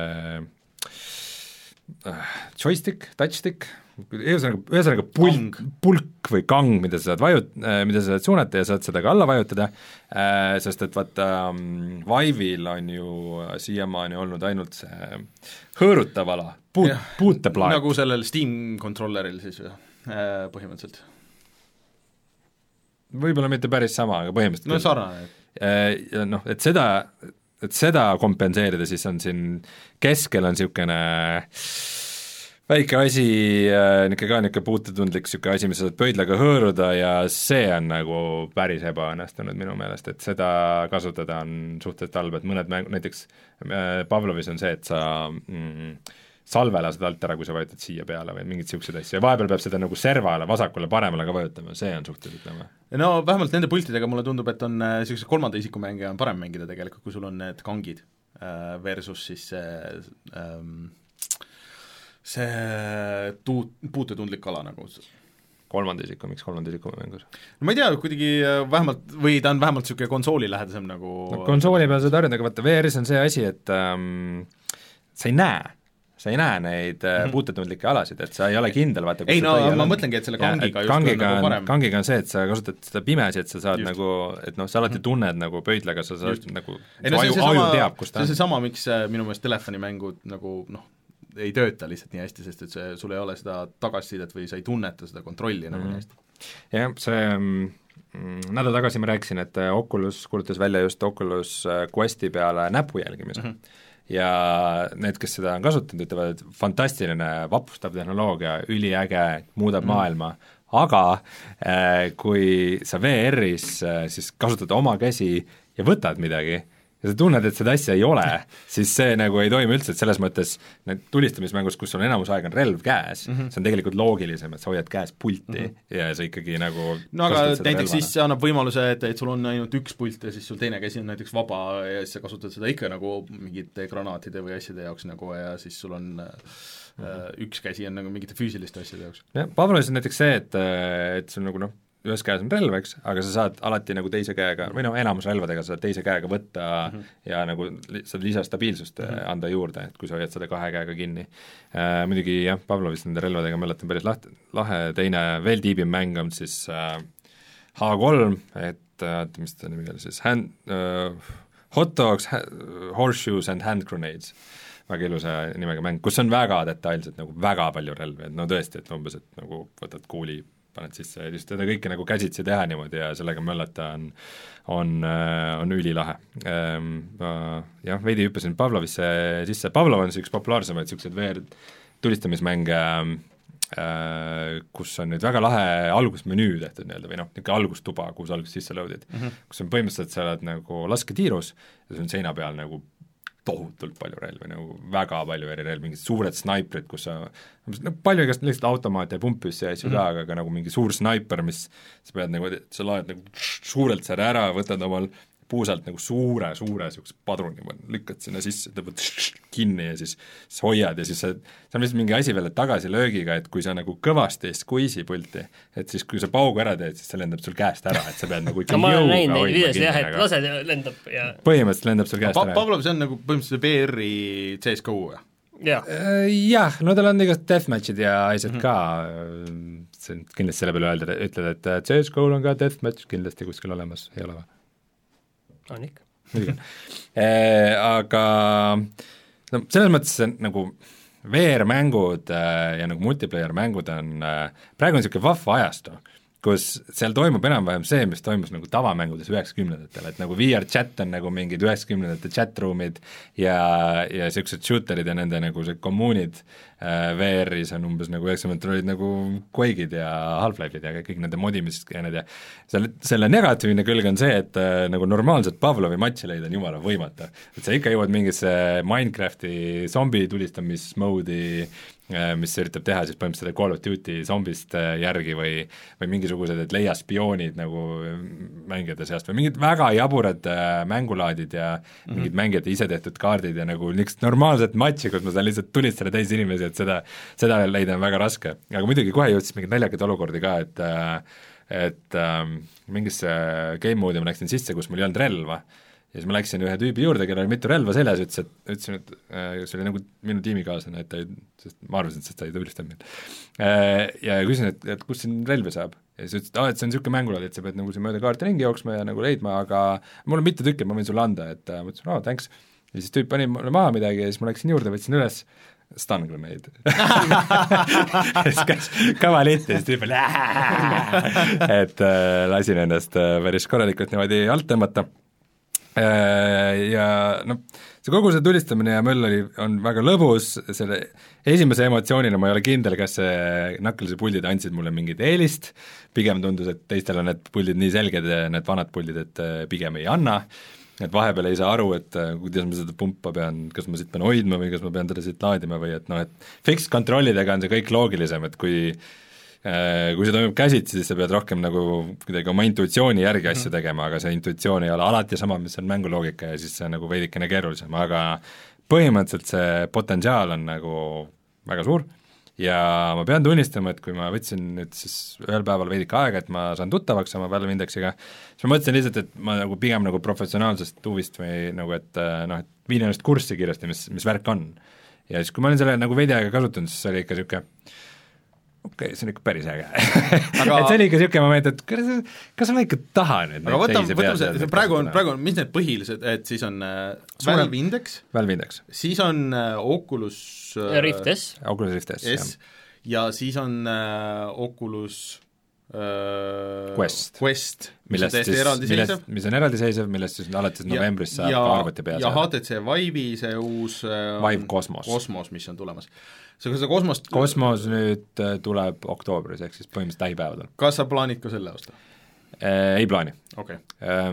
Ma arvan, et see Cosmos võib isegi olla täitsa okei okay peaseade mm, -hmm. Aga ma otseselt ei näe vajadust, et ma just täna lugesin ühte pikemat äh, arvustust selle kohta ja noh, tal on ikkagi mingisugused omad miinused, et arvestades, et ta maksab nagu seitsesada daala, et äh, natukene jääb mulje, et, et kui sa oled nagu VR-entusiast, siis põhimõtteliselt äh, sul on vaja nagu Valve Indexit ja Oculus Questi.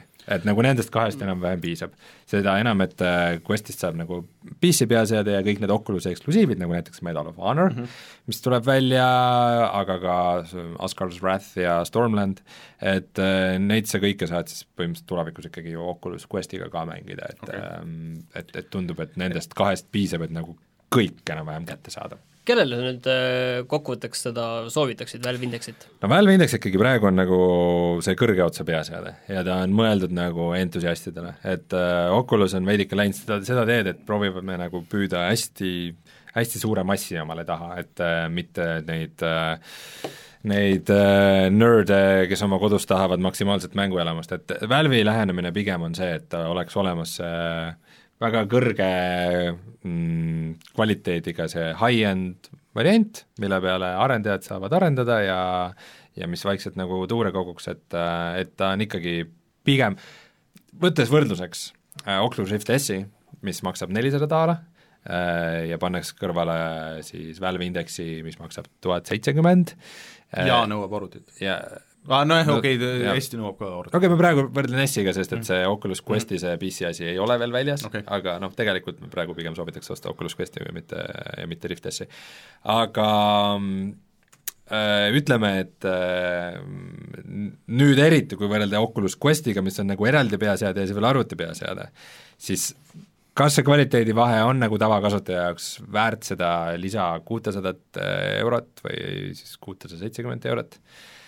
Ma ei ole kindel, et see, arvestades, et see hinnavahe on nagu nii tohutu, et siis noh, et, et, et kas see kvaliteedivahe on ka kaks koma viis korda, et seda ilmselt ei ole. aga kas mul on õige mulje jäänud, et, et see on suuresti, ongi niisugune võib-olla professionaali tööriist, et kui sa tahad modelleerimist näiteks teha, et see, et see mängimine võib-olla on teisejärguline, et sa tahad modelleerimist teha, sa tahad võib-olla seda joonistamist teha, sul on vaja mingisuguseid äh, noh, mingeid eskiise teha, mingisuguseid niisuguseid asju, et siis noh, et, et kui sul on tööriistana vaja, siis noh, ei ole nagu küsimust isegi, aga, aga koju osta noh, et see ei olegi nagu mõeldud kodukasutajale võib-olla. ma arvan, et ta praegu ikkagi on suunatud peamiselt nagu äh, high-end mängurile.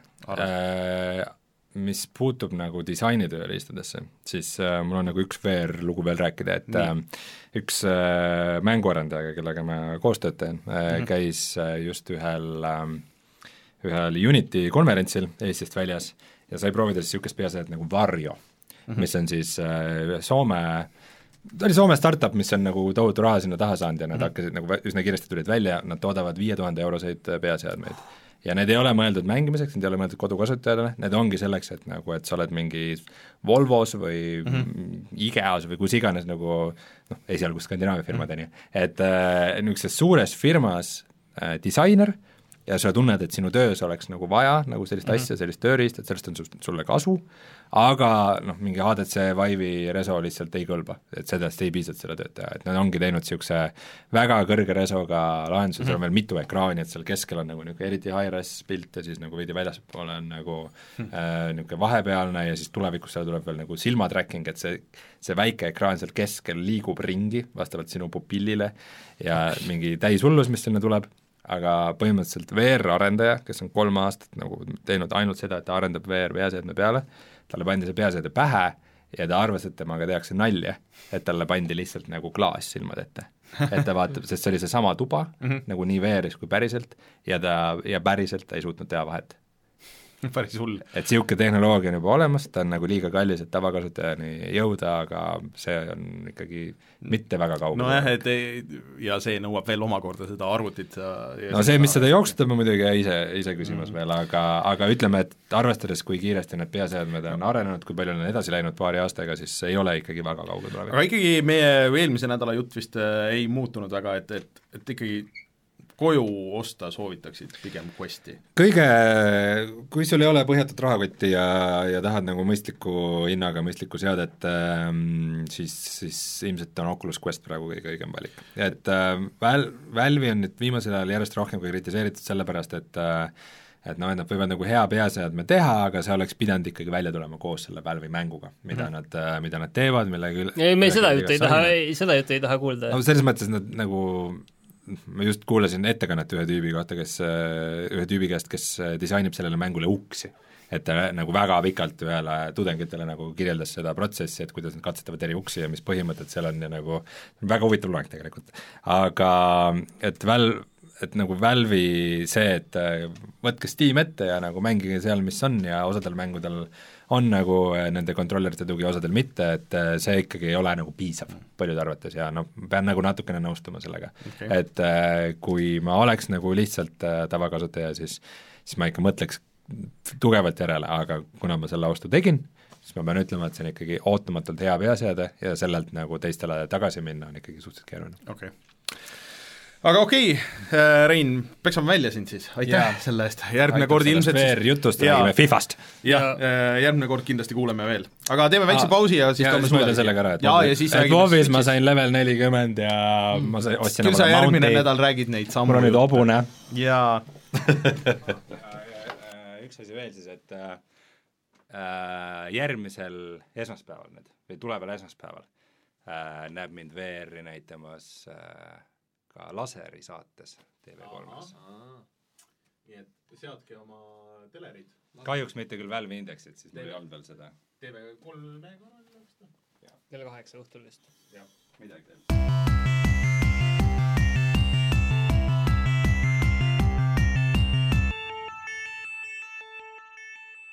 no nii, me upgrade isime Reinu ära nüüd Sulevi vastu, et tere, Sulev!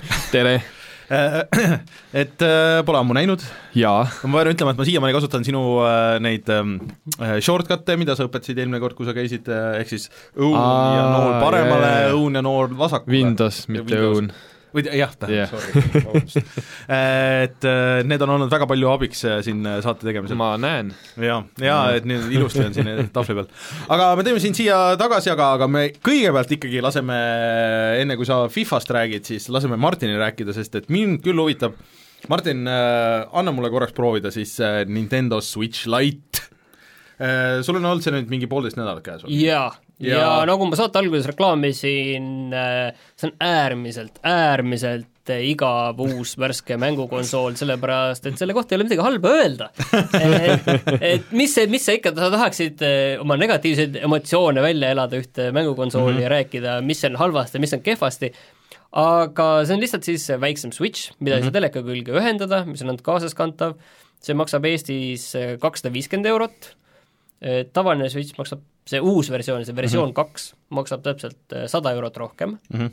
see on äh, üle saja grammi kergem, ta on mingi kolmsada grammi, natuke vähem isegi vist, ja sellel on ekraan on väiksem, ekraan on tal viis koma viis tolli, tavalisel Switchil on kuus koma kaks, aga tegelikult noh, ekraani eraldusvõime on ikkagi seitsesada kakskümmend B ja tegelikult ekraan on tihedam mm, -hmm. piksli tihedus on kõrgem, on ju, ja põhimõtteliselt selleks see jutt lõpeb, sest siin ei ole mitte midagi no, no tegelikult ütleme niimoodi, et kaks suurt vahet on selle tavalise Switchiga, No sa ei saa neid pilte ära võtta. sa ei saa pilte küljest ära võtta, mis tegelikult äh, mõnes mõttes on positiivne, selles mõttes, et ta tundub nüüd nagu oluliselt niisugusem äh, Martin Sturdim siis jah, niisugune kompaktne või et, et see ongi, et selle vana Switchi noh, ma kasutan seda päris palju ja siis vahest need noh, ikka lähed nagu nendele, no sa pead vajutama nagu nuppu tagant, et see pult küljest ära tuleks, aga sa lähed vastu ja siis Mhm. ta nagu logiseb ja siis ta nagiseb nagu veits ja ta ei ole nagu niisuguse solid äh, tunnetusega, et, et see on väga, väga ma olen mänginud põhimõtteliselt praegu äh, Tetris üheksakümmend üheksat ja Zelda Breath of the Wildi ja ma arvan, et see aku vastupidamus on mingi neli-viis tundi, selline noh, mingi normaalne selline mm, -hmm. et, et ei midagi, ma arvan, et noh, ta ei ole nagu ulmekõrge, aga ta Mhm. on täiesti okei okay,, on ju. ja selles mõttes, et äh, midagi ei lähe, kõik on okei okay,, kõik mm -hmm. mängib hästi ja sul ei olegi nagu midagi öelda mm. -hmm. kõige parem kaasaskantav mängukonsool praegu, mis äh, üldse on. Äh, ma tahtsin korraks, ma palun, et sa tõused püsti ja lähed tood Vita siia kõrvale, et ma näitan striimi vaatajatele, et võrdluses Vitaga, mis on siiamaani olnud siis Martini see lemmik, siis avastasin, et siit tagant on kadunud see kickstand, et kuigi sa saad ühendada teised puldid ja Joy-Conid, et nende mingite mängude jaoks, mis nõuavad Joy-Coni kasutamist, on ju, aga sa ei saa enam seda nüüd niimoodi püsti panna niimoodi kergesti. aga kui sina mängid Switchiga päris tihti, kas see graafika vahest saad midagi aru ka visuaalselt mängudest? ega tegelikult ei ole, ta on nüüd täpselt sama nagu selles Okei. mõttes, et äh, et ainuke, mis on, on see, et äh, ekraan lihtsalt on väiksem, jah. et äh, aga nii, ekraan on ikkagi suurem kui Vita omast, Vital on äh, viietolline ekraan, et ta on natuke suurem, aga ta on üsna mugav. Et on ainus asi, mis noh, mina lihtsalt pole harjunud nende sellise äh, selle kangi paigutusega, mis on Xboxil ja Nintendol ja siis vaata, kui sa vaatad need pluss- ja miinusnupud, see miinusnupp on täpselt selle vasaku kangi kohal ja sa pead üle ronima selle kangi, et seda vajutada, see on nagu ainus No, asi, mis mind nagu häirib jah. tegelikult selle juures, on see ebamugavus, vaata nüüd roni üle selle kangi mm, -hmm. vaata, sul on see käes, vaata kang ja siis roni mm -hmm. üle sinna no ma olen sellega nagu harjunud äh, vist, aga siin tegelikult, mis on ka veel oluline äh,, suurem muutus on see, et siin on D-pad äh,. Originaal Switchil on samamoodi äh, nagu siinpool kolm niisugust nuppu no, Äh, mul äh, on see, kusjuures mul ei tulnud meeldegi. et äh, see on tegelikult päris oluline, sest et äh, mingid platvormikaid ja näiteks noh, Mario Makerit ja nii edasi on, Äh, Tetrist, on äh, Tetrist on eba, ebamugavam on mängida. mulle selle D-padiga meeldib väga Tetris, Tetris on väga mõnus sellega.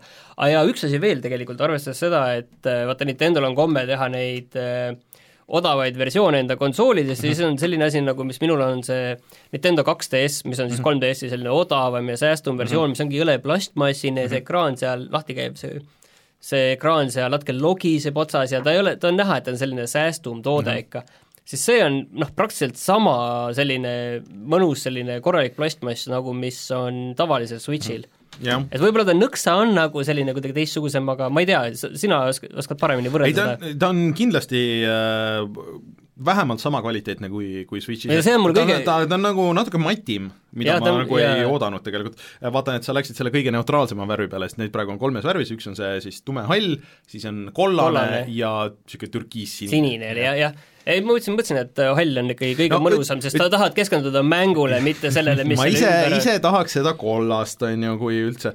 aga nüüd äh, meil tekib see põnev moment, et üks hetk sa mängid siin mingisugust niisugust mängu, millest me tahame videot teha. ja siis me peame hakkama tegelema sellega, et kuidas me saame sinu seivi äh, siis äh, no Nintendo'l on ju see pilveteenus ja no on, et see ma, kõik on, aga ma pidin võtma selle kahekümne eurose selle mille koodi ma küll sain sinu käest, aga selle Nintendo Online'i teenuse millega ma sain need SNES-i ja NES-i mängud endale ka kõik äh, oled proovinud ka neid? jaa, üht-teist ma seal proovisin, Mhm. ma ütlen, et äh, kohe räägime jalgpallimängust edasi, siis seal on see Soccer, mul ei tule see nimi meelde, see oli päris okei okay,, mingi üheksakümne esimese või teise aasta jalgpallimäng, erinevad riigid üksteise vastu ja see ei Sensible olnudki, Soccer või? ei, see ei olnud see, ei, see oota ma ei kohe vaatan, ma panen tööle. aga see oli mingi teine ja, ja see ei tundunud üldse nagu kohutav, see oli päris lõbus tegelikult, oli hästi selline arkaadilik ja selline Super ta Soccer. oli, jaa, aga väga raske oli, ma sain ainult peksa seal, ainult peksa, mul oli raske isegi ühte väravat lüüa. kas see oli see ka, need mängud, kus pidi seda väravahti ise liigutama või? need olid väga retsid. väravaht oli minu meelest automaatselt. sest kunagi nendel vanadel konsoolidel Jah. mängid, ma mäletan, et väravahti pidid ka liigutama ja siis no midagi ei tulnud. aga ühesõnaga, seda konsooli on äh, väga-väga raske mitte soovitada mm. -hmm. et No- selles mõttes, et äh, parim kaasaskantav konsool, mis praegu mm -hmm. on, mängude valik on väga lai äh,, hind on väga mõistlik, kakssada viiskümmend eurot, ma kirjutasin natuke sellest ajakirja Digikäes, põhimõte on see ikkagi, et tead, kui mõtled, et nagu, et äh, miks sa peaksid mängima telefonis, kui on olemas selline asi no vot see on, see nupud on tegelikult, teeb selle vahe. See on vahe ikka väga ja kuigi suur. seal Apple'i arkeedis, seal on väga häid mänge, siis äh, no päris mitu asja sealt pealt, mida inimesed kiidavad, kõik on tulemas äh, Switch'ile ja ma kindlasti tahaks Switch'i peal mängida, mis see noh, paar niisugust story põhist mängu ja nii edasi, et, et ma pigem mängiks Switch'i peal, et äh, nii edasi.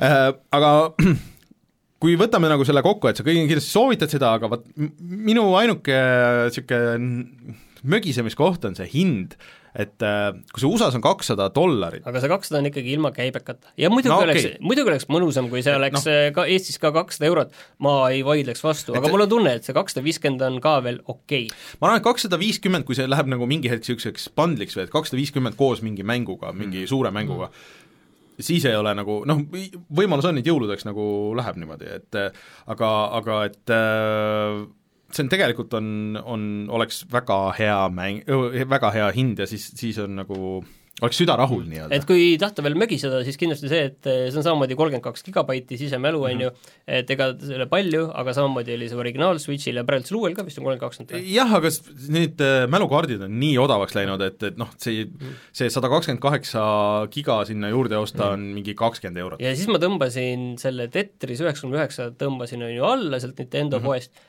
ja mul ei, minu meelest seal polnud kirjas, kui suur see mäng üldse on, kui suure mängunumbrit alla tõmban ja seal, kus oli see down allatõmbamise progressi mm -hmm. riba, seal ei olnud ka, oli lihtsalt protsendid, on ju mm. -hmm. et saaks aru, et palju mul nüüd tõmmatud on alla, kus mm -hmm. ma nagu olen sellega, selline lihtne info, mida võiks nagu teada inimene või No no, Nintendo jah. mõtleb, et sa ei pea sellist jama teadma minu meelest kuskilt ikka süsteemist nagu sai või seda vaadata. kindlasti kuskilt saab jah, aga aga noh, et selles mõttes, et natuke tasakaalustada seda, et nagu halvasti ka no öelda aga mis sinu muljed siis, räägime korra mängudest veel, et, et palju sa Zeldat oled jõudnud mängida?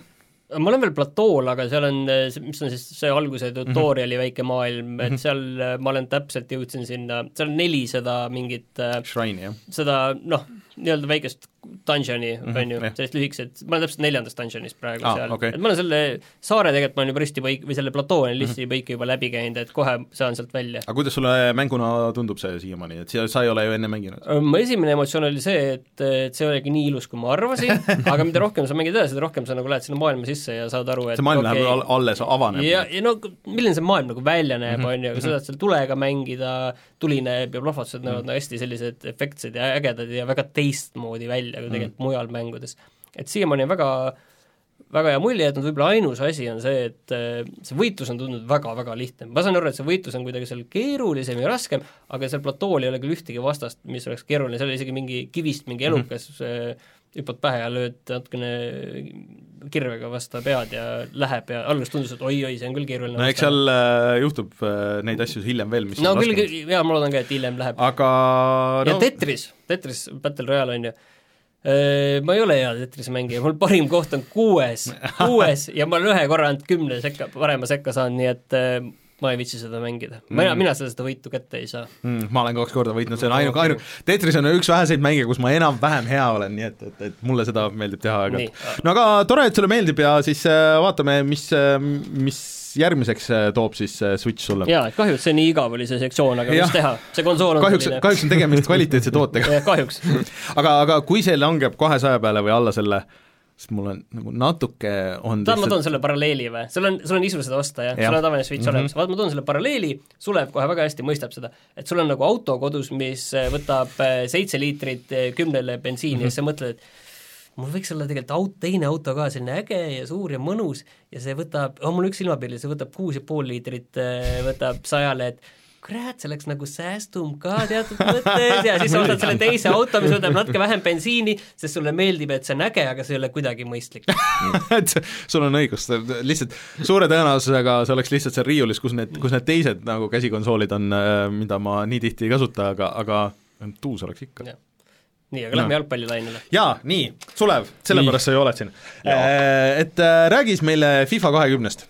Äh, jah, FIFA kakskümmend on nagu iga aasta jälle välja tulnud ja kui võtta see põhijalgpalli osa, see, mida sa mängid seal üksteist versus üksteist suure platsi peal, siis see on väga-väga sarnane eelmisega ja eelmine oli ka tegelikult üsna sarnane sellele eelnevaga aga kuidas nad siis seda üldse müüa tahavad?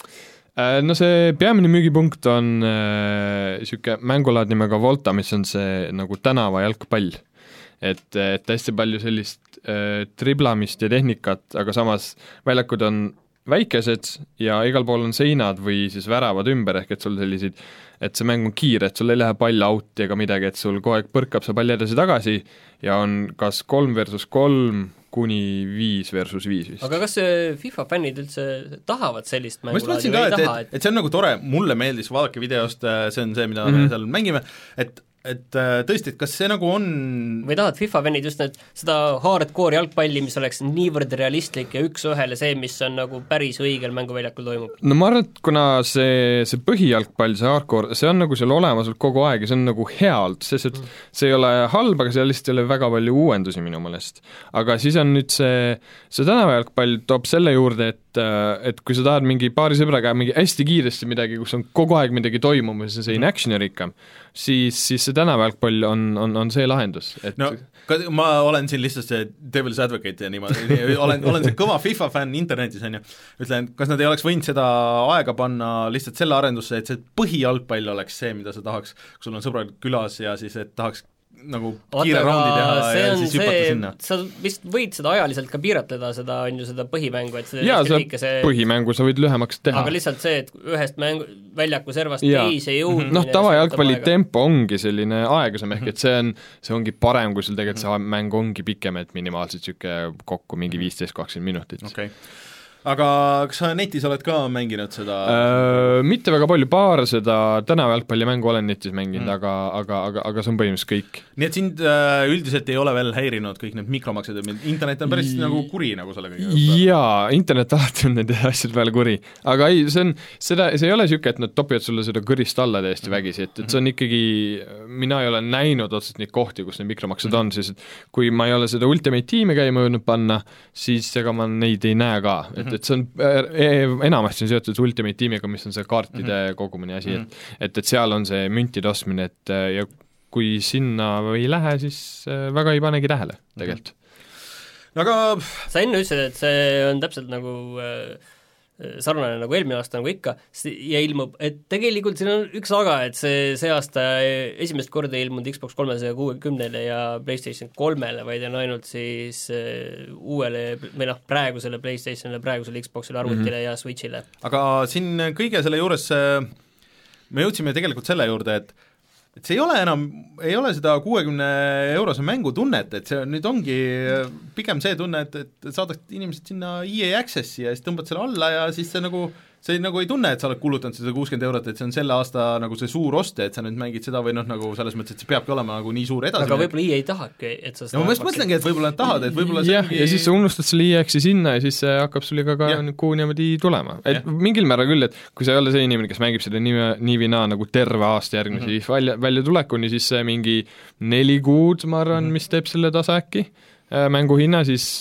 siis see on seda, seda küllalt mm. -hmm. et noh, seal neid mingeid väikeseid muudatusi nendes tavalistes äh, üksikmängulaadides on, need karjäärid ja asjad, mingid äh, äh, kus on rohkem mängijatega suhtlemist ja mingid sellised manageerimise asjad on mm. nagu detailsemaks tehtud, aga jällegi noh, see ei ole mingi väga suur mängumuutus, et see on see, kui mina mängin väga palju karjääri alati, siis, siis mina panen neid tähele, aga mm -hmm. kui on mingi inimene, kes sukeldub kohe sinna Ultimate tiimi, siis on tõenäoliselt seal jälle mingeid aga, aga see aasta ei ole ju seda ka, seda, mis muidu oli viimased mingi kaks-kolm aastat, et, et sul on see hull see story mode, et mis oleks võib-olla mingi minusugusele, et, et ma, mulle nagu spordimängud ei meeldi, üldiselt ma neid ei mängi, aga võib-olla mulle see see story Kui nagu mingi lugu- raamistik mm. -hmm. nagu see lugu võib-olla nagu tõmbaks kokku. petaks sind ära. jah, et petaks ära, et yeah, jaa. et, et ma vähemalt oleks kursis sellega, et okei okay,, et FIFA mängimine käib niimoodi ja, Jaa, ja, et ma oskan nagu jah, seekord seda ei ole, et seal selle tänava jalgpallis on niisugune väike mingi looasi juurde toodud mm, -hmm. aga see on väga kuidagi see kõlab nagu Call of Duty zombies põhimõtteliselt. midagi taolist, et see,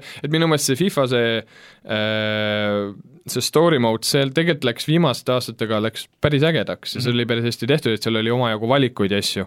aga, aga nüüd see uus, mis on see tänavaljalgpalli story, see on selline põhimõtteliselt lihtsalt käi läbi erinevad riigid ja kontinendid ja mängi ja siis vahepeal mingid tüübid ülbavad ja siis noh, tegelikult no lõpuks lihtsalt sõbrad. raami, raamistik lihtsalt jah, täpselt. aga aga vot, vot nüüd me peamegi tegelikult, see on uus huvitav asi, mida me avastasime siin mingi ah,, kui me Gears of War viiest rääkisime, et mm -hmm. nagu enam sa ei peagi nagu ütlema seda, et okei okay,, et äh, kas sa peaks minema homme poodi ostma seda, aga et, et kuna need asjad on jaa, nendes see oli Microsofti. Gamepassis, et siis Jah. miks mitte. et, et kui sul, kui sul ei ole no Gamepass pigem, et kui sul on Xbox, sul on suure tõenäosusega ikkagi see Gamepass nagu tänapäeval olemas. et sa saad tõmmata selle alla ja proovida. Aga et kas see FIFA kakskümmend äh, on siis äh, nüüd see punkt, et äh, nüüd, kui EA Access või siis Origin Access arvuti peal on olemas, see on seal ka olemas mm. -hmm. sul ei ole veel seda tellitud, et kas pigem on väärt äh, selle Origini või, või EA Accessi vähemalt üheks kuuks ostmist? ma arvan, et üheks kuuks ikka on, sest minu meelest see äh, aastaid tagasi, ma arvan, et see oli äkki mingi neli aastat tagasi, oli FIFA Street oli eraldi mäng mm. -hmm. ja see oli tegelikult päris lõbus, et see on mm, -hmm. see on lihtsalt sinna juurde pandud, et see annab nii palju natukene värskust, kui sa seda tänavajalgpalli pole varem mänginud, FIFA mm, -hmm. seda FIFA Streeti, siis see on küllalt uus asi, et vähemalt proovida vähemalt kuu mm -hmm. aega. Mhm. aga korra tulen sinna palliplatsile tagasi nagu, et kuidas sulle see, ma kuulsin vahepeal eelmise aasta mängu kohta sellist tagasisidet, et see et see ai on seal äh, suhteliselt, kehv on võib-olla vale sõna, ebaaus võib-olla on õige sõna mm. -hmm. ilmselt see tähendab ka kehva tegelikult. et kui sa ise mängid, siis oh, suva, mängi lihtsalt mingi kaitsemängijana ja teised teevad ära ja, ja ja et kuidagi see, see tasakaal on nagu paigast ära, et ma ei oska ise enda, enda seisukohast seda nagu nii kommenteerida mm, -hmm. aga lihtsalt, et see mulje jäi, et et, et lihtsalt see ai on kuidagi niivõrd palju teeb su eest ära tegelikult.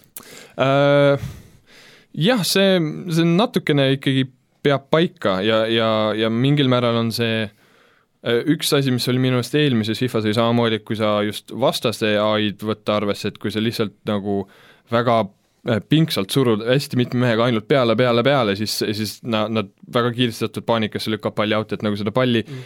mingil määral kätte saada on, on nagu sarnaselt eelmise FIFA-ga nagu kerge. aga, aga jah, see, et need oma meeskonna mehed ikkagi, nad, nad aitavad päris palju, aga noh, arvestades, et sa liigutad, ise liigutad ühte meest üheteistkümnest, siis eks nad midagi peavad ikkagi tegema ka. ja seda küll jah, ütlen, et jah, seal ongi see, kuidas see tunnetus värk on et see- lõpukokkuvõttes nagu on ju, mis mulje sulle jääb sellest lihtsalt, et jaa, minu meelest on see üsna hea, et, et ma, ja kohati see eelmisel FIFA-l tundus niisugune tasakaalust väljas, aga minu arust see lõpupoole nii hull ei olnud, sest noh, nad kogu aeg lasevad neid patch'e ja väikseid uuendusi välja. Aga ikkagi nagu jõuame, ma tahaks jõuda sinna, et et kas kuuekümne euro eest sa soovitaks seda osta praegu?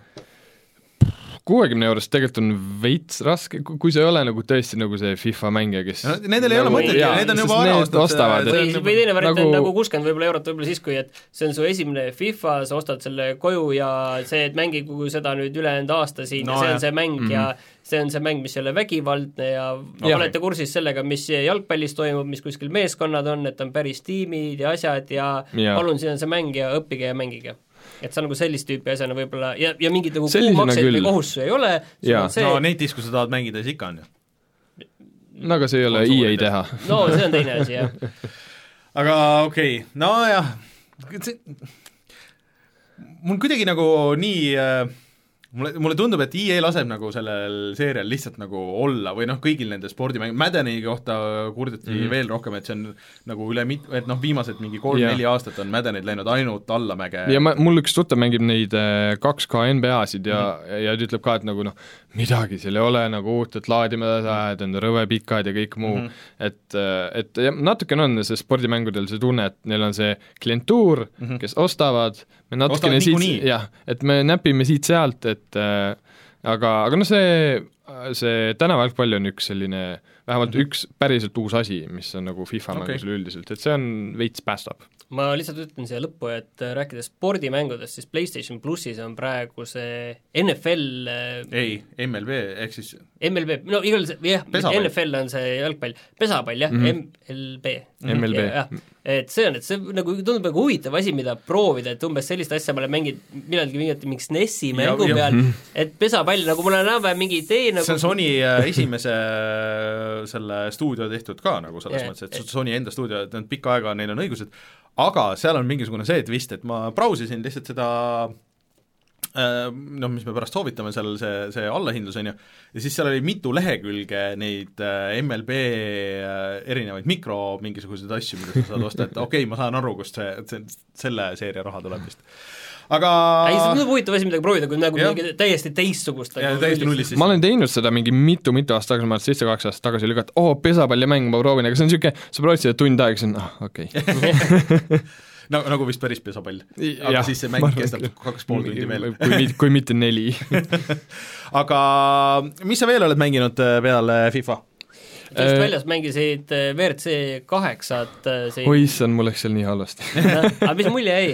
ähm, ma, ma nüüd ei, ma ennekõike võtan süü enda peale, sest mul läks seal väga halvasti, et ma ei tea, kas äh, ma mängin automänge peamiselt äh, ringraja võidusõite, seega see äh, lahtise pinnase peal nagu kruusad ja kõik muud äkki nagu rallid, see on minu jaoks pisut võõras ja siis ma valdavalt sõitsin sealt nagu kraavist kraavi sa ei sõida ka rooliga tavaliselt, et see Äh, Jah, kuigi ma olen äh, rooliga selles suhtes, et äh, mul on, ma olen nii palju mänginud, et ma tunnen ikka üsnagi kiiresti koduselt mm, -hmm. kui on tuttavad mängud, aga kui oli võõrasa mäng ja võõrasool ja kõik muud asjad, siis see oli niisugune äh, veider mm. -hmm. aga ma ei, ma olen seda Dirt Rally kaks punkt nulli mänginud, mis tuli kevade poole või suve mm -hmm. alguses välja, et mulle tundub jah, et, et see on, see on see, mida selle WRC kohta ongi ka juba räägitud, et et sa saad aru, et neil ei ole seda ressurssi, mis on Codemastersil, et see on nagu visuaalselt ei ole päris nii hea, helid ei ole päris nii head ja siis mm, -hmm. aga neil on see litsents, et see on see nende suur pluss, et sul on need päris WRC autod ja Ott Tänak ja kõik muu, aga ma arvan, et äh, mänguna mulle selle väikese proovimise põhjal tundus, et äh, Dirt Rally kaks on parem mm, okay. pisut aga ma korraks küsiks, sa, sa oled äh, vana Xbox'i hai, eks ole, sa mm. Mm. sa Gears'i oled ka mänginud? jah, ei mul oli kunagi äh,, ma olen proovinud äh, Jan Pillaviga, kui oli ikka Gears kolm või kaks, sest ta teadis, et mulle üldse nagu Gears ei meeldinud, siis me proovisime okei, seda co-op'is ja siis mulle Meeldis see veel. vähem ja, ja siis Jan ütles, et kurat, sa peaksid kunagi arvustuse tegema, et milleks sul miks sa nii hullult vihkad seda et jaa, Gears ei ole mulle üldse kuidagi korda läinud. mida, mida Jan Pillav vihkab, aga, aga okei okay., on sul veel midagi, midagi keele peal, mõnda mängu? Äh, Tulemas on uus Creed, mis on Codemastersi see, ringraja mm -hmm. automäng, see tuleb oktoobri alguses mm, -hmm. seega ma ootan õhinasti seda. ja noh, see Star Warsi mäng ka, okei okay. aga mul ei ole ma ei, mul ei ole liiga kõrged ootused selle jaoks Okei. ettevaatavalt. sellele tuli ka uus pikk treiler, kuidagi nagu, ma arvan, et ma kindlasti proovin, aga see, see, et see on Metroidvania, mida lubatakse, et see nagu kõlab mm. -hmm. nagu hästi. aga muidu see Dirt kaks punkt null, mis mainisid, et see on nüüd olemas ju Gamepassis nii arvutil kui Xboxil. Jah, peaks olema küll. see just tuli vist minu meelest see nädal. jaa, siis seda kindlasti proovida.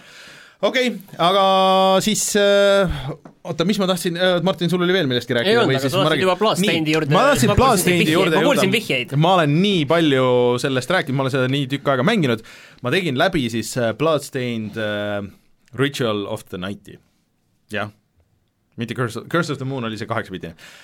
ühesõnaga, see on üks ägedamaid mänge, mida ma olen kindlasti see aasta mänginud ja noh, selles mõttes, et see, siin ei ole mingit kahtlust, et see on Metroidvania, ta on väga suur, ta on uus, see on täiesti uus seeria, eks ole, ja lõppkokkuvõttes äh, mulle jäi väga hea mulje sealt. aga see ei tulnud nagu selles mõttes äh, ilma nagu nende rabedate osadeta, ikkagi Kickstarteri mäng ja, ja seda tehti nagu miljon aega ja, ja siis noh, indie stuudio sisuliselt esimene mäng ja, ja et, et seal on nagu päris mitu niisugust kohta, mis ikka megalt ajasid närvi. ehk siis üks põhiasjadest, mis juhtub äh, suht noh, sõltuvalt, kuidas sa mängid, aga, aga mängu isegi nagu alguse poole ja kus mina esimest korda kinni jäin et äh, vaja minna, kõik muud kohad on lahti, ma spoilin selle siin ära, ettevaatust äh,, aga ma spoilin selle ära, sest et äh, mäng ei ütle sulle seda äh,. Et sa ei saa minna vee alla või sa ei saa ujuda. ja kuskilt ei saagi ja, ja kuskile noh, mujale sa lihtsalt hetkel ei saa enam. Ma käisin mitu tundi, käisin ringi mm, -hmm. proovisin kõik asjad läbi nagu niisugune, ja siis ma lip-, lõpuks lihtsalt nagu lihtsalt andsin alla, ma vaatasin internetist järgi. Konkreetselt sa pead minema ühte nendest veekohtadest ja siis sealt aeg-ajalt hüppab välja mingisugune niisugune meduusi moodi nagu koll, sa pead selle kolli ära tapma, siis semad, noh, kogu see mäng käib nende chard'ide ümber, mis on siis sinu nagu e- lisavõimed, on ju, ühel korral nendest, mis on nagu random, mitte iga kord, ta annab sulle selle võime, et sa saad ujuda.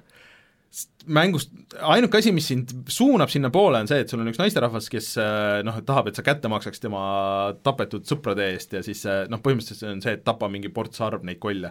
sul võib, aga ei pruugi olla tema üks missioon, et okei okay,, tapa viis tükki neid tüüpe pluss sa ei tea, millele ta vihjab, sa ei tea, kus see võib olla, see võib olla, ta vahest annab sulle mingeid ka niisuguseid asju, kus sa võib-olla ei ole käinud või sa ei ole veel ligi saanud nagu mingi niisugune nii, nüüd sa said aru, miks Jaan Pillal selle ühe punkti andis ja Jan Pillav ei jõudnud nii kaugelegi, see Jan Pillav jõudis seal mingi kaks tundi mängida. mul lõpuks läks mänguaega mängusiseselt oli seitseteist tundi, aga ma arvan, et mul kokku läks umbes mingi nelikümmend viis tundi kõikide nende suremistega, sest ma olen, sain väga palju nagu surma mingites kohtades, kus läks mingi mitukümmend seda. teine koht, mida ilmselt oleks saanud ka kuidagi nagu fake ida, on see, et, et sa ei saa ühest kohast enam edasi, sest et seal on niisugused piigid on ees kuidas saad piikidest läbi, et seal on niisugune tunne, et võib-olla sa saad muunduda mingiks loomaks või teleportida või midagi, no lihtsalt ei saa mitte kuidagi, saad miljon korda surma, et seal oli see save point oli ka nagu kaugel, iga kord võtab nagu aega ja siis ma lihtsalt lõpuks andsin alla. Ja siis on ka, et sa pead minema mingisse väga spetsiifilisse kohta, kus sa tegelikult ei näe ekraani pealt kuskil, sa ei näegi, et seal on mingisugune asi ja siis sa pead kasutama ühte mingit erivõimet, mis viib sind sa ekraani pealt ei ekraani näegi. välja, sa ei näegi, sa ei, sa ei näe seda kohta mul kadus praegu igasugune isu seda mängida, ma pean tunnistama, See äh, absoluutselt, selles mõttes, et ei, mulle meeldib, kui on mingi Jaa. koht, mis on peidetud ja natuke huvitav ja seal on, seal on üks vihje, mis antakse, aga sa pead aga see vihje pole ekraanil näha, jah? see on nagu nii krüptiline, üks, üks tegelane, kui sa räägid kõige läbi, siis ütleb, mine sinna kohta, kus on või see noh, no see oli keerulisemalt öeldud, et aa, seal, kus on tornid ja lohe, on ju, umbes siis sa oled võid-, ja see oli ju mitu, mitu, mitu, mitu tundi tagasi, kus sa võitlesid selle mingi lohe bossiga seal ja siis sa pead teadma, kummal pool nagu seda ja niisugune, et kaks nagu niisugust noh, see on patch itav asi, et nad saavad seda teha nagu veits loogilisemaks ja, ja nad saavad sind juhendada nagu sinna paremini. aga, aga tervikuna need, need kaks niisugust ma põhiasja tahtsin küsida, mitu punkti? viis punkti, sorry. aga Viis viis punkti on pärast seda või? jaa, sest et Pärast seda, mis sa ütlesid. pärast seda, mis ma ütlesin äh, Need lihtsalt võtsid, kogu see ülejäänud aeg, eriti veel, kui sa oled nagu äh, ära upgrade itud, sul on mingid äh, paremad relvad, ägedamad bossid, ehk et lõpus on see mäng nagu väga äge. ei, see on, see on ka alguses, aga ta lihtsalt läheb nagu vaata, seal on äh, hullult see, mis mulle meeldib äh, seda tüüpi mängudes ja näiteks mis mulle Borderlandsis meeldib või see, kus sa nagu noh, RPG-des põhimõtteliselt, kus mm -hmm. sa äh, siis täiustad oma tegelast jah, ja siis sa lõpuks nagu lähed nendest algusaladest läbi, kus sa nägid hullult vaeva ja siis on niisugune ha, one shot ja see, see vaenlane, kes enne sind võttis mitu korda maha, mingi vastane, sest lihtsalt teeb sulle mingi ühe punkti damage'it ja nii edasi. et äh, kõik see tegi ägedamaks ja ma leidsin juhuslikult suhteliselt varakult selle sõrmuse, mis näitab sulle vastaste seda, noh, palju vastastel elusid on äh,, see tegelikult muutis väga palju paremaks, just bossi võitlused, et okei okay,, sa saad aru, et okei okay,, et äh, no bossidel on muidugi elluriba ju peal. ei ei olnud või Ei.? ma mäletan, okei, võib-olla siis on. et, et kõik niisugused asjad, aga, aga tervikuna see mäng lihtsalt ei olnud et ta on uus ja seal on väga palju saladusi, ma arvan, et mul jäi ka väga palju saladusi ja neid kõrvalvalikulisi bosse jäi muidugi tegemata, aga, aga mis ma leidsin ja, ja nii palju, kui kogu see söögisüsteem lõpuks, aga see oli ka üks mäng, ma tavaliselt olen see, ma jagasin ühte, ühte artiklit seal äh, meie Discordis, et, et kuidas või tähendab, video oli, et, et, et kuidas tavaliselt mul on väga raske kasutada neid ühekordseid asju, et äh, sa tahad neid nagu alles hoida? ma tahan nagu alles, et igaks, äkki mul läheb Kunagi ikka vaja kunagi läheb vaja, on ju. siis äh, Bloodstainedis, noh, Zeldas ka nagu, nagu sealsamas videos oli tegelikult point, et Zeldas sul kõik niikuinii läheb lõpuks puruks, et sa parem kasuta ära nagu kõik asjad, et sul neid tuleb juurde ja sa saad neid juurde teha. Bloodstainedis ka, et äh, müü, sul on raha vaja, siis müü oma stuff'i maha nagu, sa saad kõike nagu tegelikult juurde, sa saad farm ida. ja õpi retsepte kasutama, et äh, seal on paar retsepti, mis on äh, kasulikumad teha ja odavamad teha, kui kasutada health potion eid ja sa saad, health potion itel on äh, piir peal, kui mitu sul saab olla neid inventaris, aga söökidel ei ole, ehk siis ma olen väga palju karrit söönud ja teine asi, mida tegelikult tasub äh, seal meeles pidada, tasub kogu aeg poest osta, need on mega odavad ka. Ei, on äh, see äh, Waystone, millega sa saad teleporteeruda igast kohast sinna taga, tagasi oma sinna külla. ehk siis äh, kui ma oleks alguses nagu seda rohkem kasutanud, mul oleks see mäng palju kiiremini läinud, palju nagu lihtsamalt, mul oleks mitmed tunnid oleks jäänud, et kui sa vaatad, et okei okay,, mul ei ole enam neid eluasju, siin läheb väga sketšiks nagu, et ma ei hakka edasi pressima nagu ehku peale, et ma lähen kõigepealt koju äh,, save in ja siis äh, proovime uuesti nagu leiame uue lahenduse, oleks väga palju aega säästnud sellega, et, et kui keegi alustab seda algusest, siis äh, soovitan nii, sa niimoodi. siis väga soovitad seda, jah? ma väga soovitan seda. Äh, mingil seletamatul põhjusel, et ma olen pikka aega nüüd mõelnud, et oh, võtaks selle uuesti kätte, hakkaks tegema, su jutt absoluutselt ei veena mind, et ma tahaks seda edasi mängida, täiesti ta on, ta on väga pikk, ta vajab nagu, aga ma võtsin selle kätte, et okei okay,, mul on nii palju neid poolikuid asju, et et ma teen selle lõpp, ma tundsin, et ma olen seal lõpus, seal on isegi nagu nii-öelda fake lõpp, see halb lõpp on suhteliselt äh, varakult võimalik kätte saada, ega seda ka nagu, kuidas sa selle päris lõpuni jõuad, noh, niisugune poolkogemata nagu äh, juhtus see pigem. aga, aga selles mõttes, et, et äh, tervikuna ikkagi, no vahest on nagu hea, kui on nagu niisugune, see on nagu nii teistmoodi nagu see kogu see progressioon, et isegi neid Metroidvaniaid on olnud, aga päris niimoodi äh, ükski, ükski mäng seda lahendanud ei ole. aga sinna kõrvale ja lõppu ma olen edasi teinud seda mm, Link's Awakeningi, ma olen nüüd mingi umbes kaks dungeonit edasi seal, kus me kus me selles videos olime ja ma olen oma sõnade juures, et see on äh, üks parimaid remastereid ikkagi äh, ja ja mulle tundub, et äh, kui keegi tahab alustada Zelda seeriaga, et sul on Switch, on ju, et äh, mul on Link to the Past või äh, see äh, valikus. Breath of the Wild ja Link's Awakening siis, mulle tundub, et see Link's Awakening on parem niisugune tüvitekst, et äh, sa saad aru, et okei okay,, et miks see tegelikult Breath of the Wild, kui sa ei ole ühtegi Zeldat mänginud, et miks see Breath of the Wild nii eriline oli, sest et äh, selles Link's Awakeningis noh, sa näed ära, et okei okay,, Zelda oli, et see oli Zelda võib-olla nagu natuke keerulisem variant ja noh, võib-olla siis natuke rohkem 3D, aga see struktuur on täpselt sama, oli kuni Breath of the Wildini, et äh, kuidas see kõik töötas. aga ainult äh, Link's Awakening on see kontsentreeritum nagu variant, et sa saad kõike ilma selle selle lollaka, mis eriti nende Wii mängude puhul nagu Twilight Princessi ja, ja kõigi nendes, et sul oli hästi palju niisugust fillerit, kus sa lihtsalt pidid nagu koguma, käima ühest maailma otsast teise ja lihtsalt läks Ei, aega ja grind imine. mõistan väga hästi, mida sa silmas et see on niisugune kompaktne. et ma just ise mõtlesin ka seda, et Switchi peal ma vaatasin, et ahah, Link's Awakening, ta on mingi viisteist kuni kakskümmend tundi kuskil niiviisi mm, -hmm. et Breath of the Wild oli ilmselt vähemalt kaks korda nii palju, et ja. mul on tunne, et mul oli endal just tunne, et võtaks selle Link's Awakeningi, et äh, tundub nagu Võta. lihtsam ja hea alustaks, kuigi mul on nüüd äh, su käest saadud suur valik neid kõiki häid äh, Switchi mänge, mis on juba väljas, on ju, siis ma võtsin ikkagi Breath of the Wildi, okei okay,, ma teen selle, et ma olen mõnda seda klassikalist mm -hmm. Zeldat ka ikkagi mänginud nojah, sul on nagu see olemas ja sul on seal SNES-i selles poes, sul on võimalik Link to the Past'i mängida, mis on ka nagu selles mõttes väga hea mäng, aga mulle tundub, et Link's Awakening ikkagi tänapäeval on paremini mängitav just sellepärast, et ta on nagu kontsentreeritum või et, seal on nagu seda õhku on nagu nii palju vähem ümber. nii et kui keegi veel mõtleb, siis äh, aga, aga seal on, ma tean, Sten tegi selle läbi juba, ta oli umbes samadel põhjustel närvis äh,, miks ma kohati äh, selle Bloodstainedi peale olin, sest ega mäng nagu mingeid asju nagu ei ütle sulle, et sa pead ise kas teadma, kuna ma olen seda nagu mänginud päris palju ja mul on mingid asjad meeles, ma teadsin, et ma pean tegema mingeid asju, aga mäng ei pruugi sulle seda öelda või -hmm. vihjab hästi kaudselt ja aga kui sa ei tea, siis no siis noh, siis sa oled, oled äh, kinni seal nagu mõnda aega. vot, aga järgmine nädal siis äh, uued mängud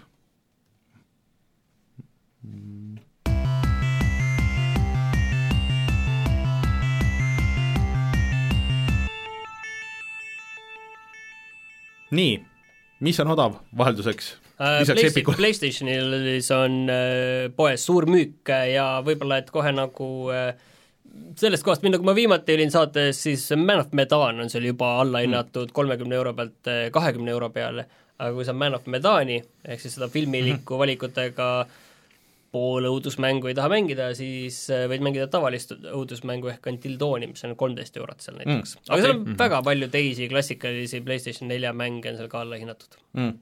Äh, Ja no Epiku poes on jälle selle nädala tasuta mäng äh, on Minit, Rein eelmine nädal natuke rääkis sellest ja kiitis, et see on niisugune huvitav mäng, et kui sul on täpselt, sul üks mängukord on minut ja siis sa üritad võimalikult palju -hmm. asju korda saata selle ühe minuti jooksul. et äh, tasuta tundub see väga hea, mis, mis järgmisel nädalal, on sul Epiku pood lahti juhuslikult, ei ole? ei ole. mis, mis äh, mul ei ole kunagi juhuslikult Epiku pood lahti, ma ütlen seda igaks juhuks ära äh, punkt kom, vaatame, mis, mis järgmine nädal toob, et inimesed teaks oma kõvakettad valmis panna ja, ja kontod valmis teha. Huvitav, kas on inimesi, kes teevad neid tasuta või teevad hästi palju kontosid, laevad sinna neid tasuta mänge ja siis hakkavad mingi hetk müüma neid? ma, ma ei imestaks. Aga järgmine nädal on Surviving Mars, mäng, mis Martin, sul on vist kuidagi õhus olnud mul sai olemas jah, aga see on selline strateegiamäng mm., see tundub äge ja huvitav mm,. Okei okay., nojah aa, meil ei olegi siia lasta midagi. Anyways, aga, aga korra vaatame, et mis mänge, uusi mänge üldse on tulemas, et see nädal on vist suhteliselt rahulik mm,, kuigi see Hitmani see uus, uus kaart tuli välja, mida ma tahan kindlasti proovida, ja millegile tuli veel no Ghost Recon tuleb nüüd Aa, Recon tuleb, jah, juba õige. reedel mm,. et äh, Breakpoint oli vist selle nimi. ja mm, -hmm. ja midagi oli veel, mul on nagu täpselt meeles, et äh, see nädal oli, mingisugune uus asi. no küll tuleb meelde järgmiseks korraks. Okei, et äh, just mingi asja lisapakk, ma tõesti ei mäleta. Ah,. ja What the Golf tuli nüüd siia Epiku poodi, kõik, see on üks nendest mängudest, mis on selles äh, äh, Apple Arcade'is. Äh,, aga see on nüüd arvutil viisteist äh, eurot niisugune puslemäng, golfimäng, golfimäng see nendele meenutab väga seda, mida, mida me mõlemad mängisime, see Donut County. ja jah, et aga et see pidi olema golfimäng nendele, kellele golfimäng ei meeldi ja siis iga rada pidi olema noh, mingi päris nagu naljakas, aga nagu isegi nagu mängu kohta väga naljakas, mis tavaliselt on hästi raske asi, mida teha. Vaatame, äkki, äkki mingi hetk aga muidu seda Apple Arcade'i päris, päris mitmeid mänge on päris palju kiidetud, et ja. tundub, et nad on sellega ikkagi õnnestunud. Apple pani ikka nii palju raha, nagu nende alla nagu kuulda oli, et no ma ütlen, et praegu on parim aeg olla mänguarendaja, arvestades seda, palju Apple Arcade või Apple maksab mängude eest, palju Epic maksab mängude mm. eest, et see on, mul tunne, et hea aeg on just sellist diili teha, et ma imestagi, et Disco Elysiumile ei pakutud ikkagi mingi, või nad ei võtnud vastu, ei tea mm., mingit Epiku poe diili mm,. ei tea, vot, aga siis kutsume saate saateks, aitäh Reinule, kes juba läks ära, aitäh Sulevile, kas sul on bändiga ka tulemas midagi või? ei ole enda bändiga, aga homme on niisugune bänd nagu Low Future äh, Cult, mis vana nimega oli see of Roofs, Jeans and Stolen Meanings aa, okei okay. äh,. Nii et neil on äh, reedel, ma asukoha jään võlgu, see võis olla Sveta, aga ma võin ka valesti panna mm.. okei okay.. nii et äh, siis kontserdile, kontserdile ja aitäh, Martin! ja mina olin Rainer, kohtume järgmisel nädalal, tšau! tšau!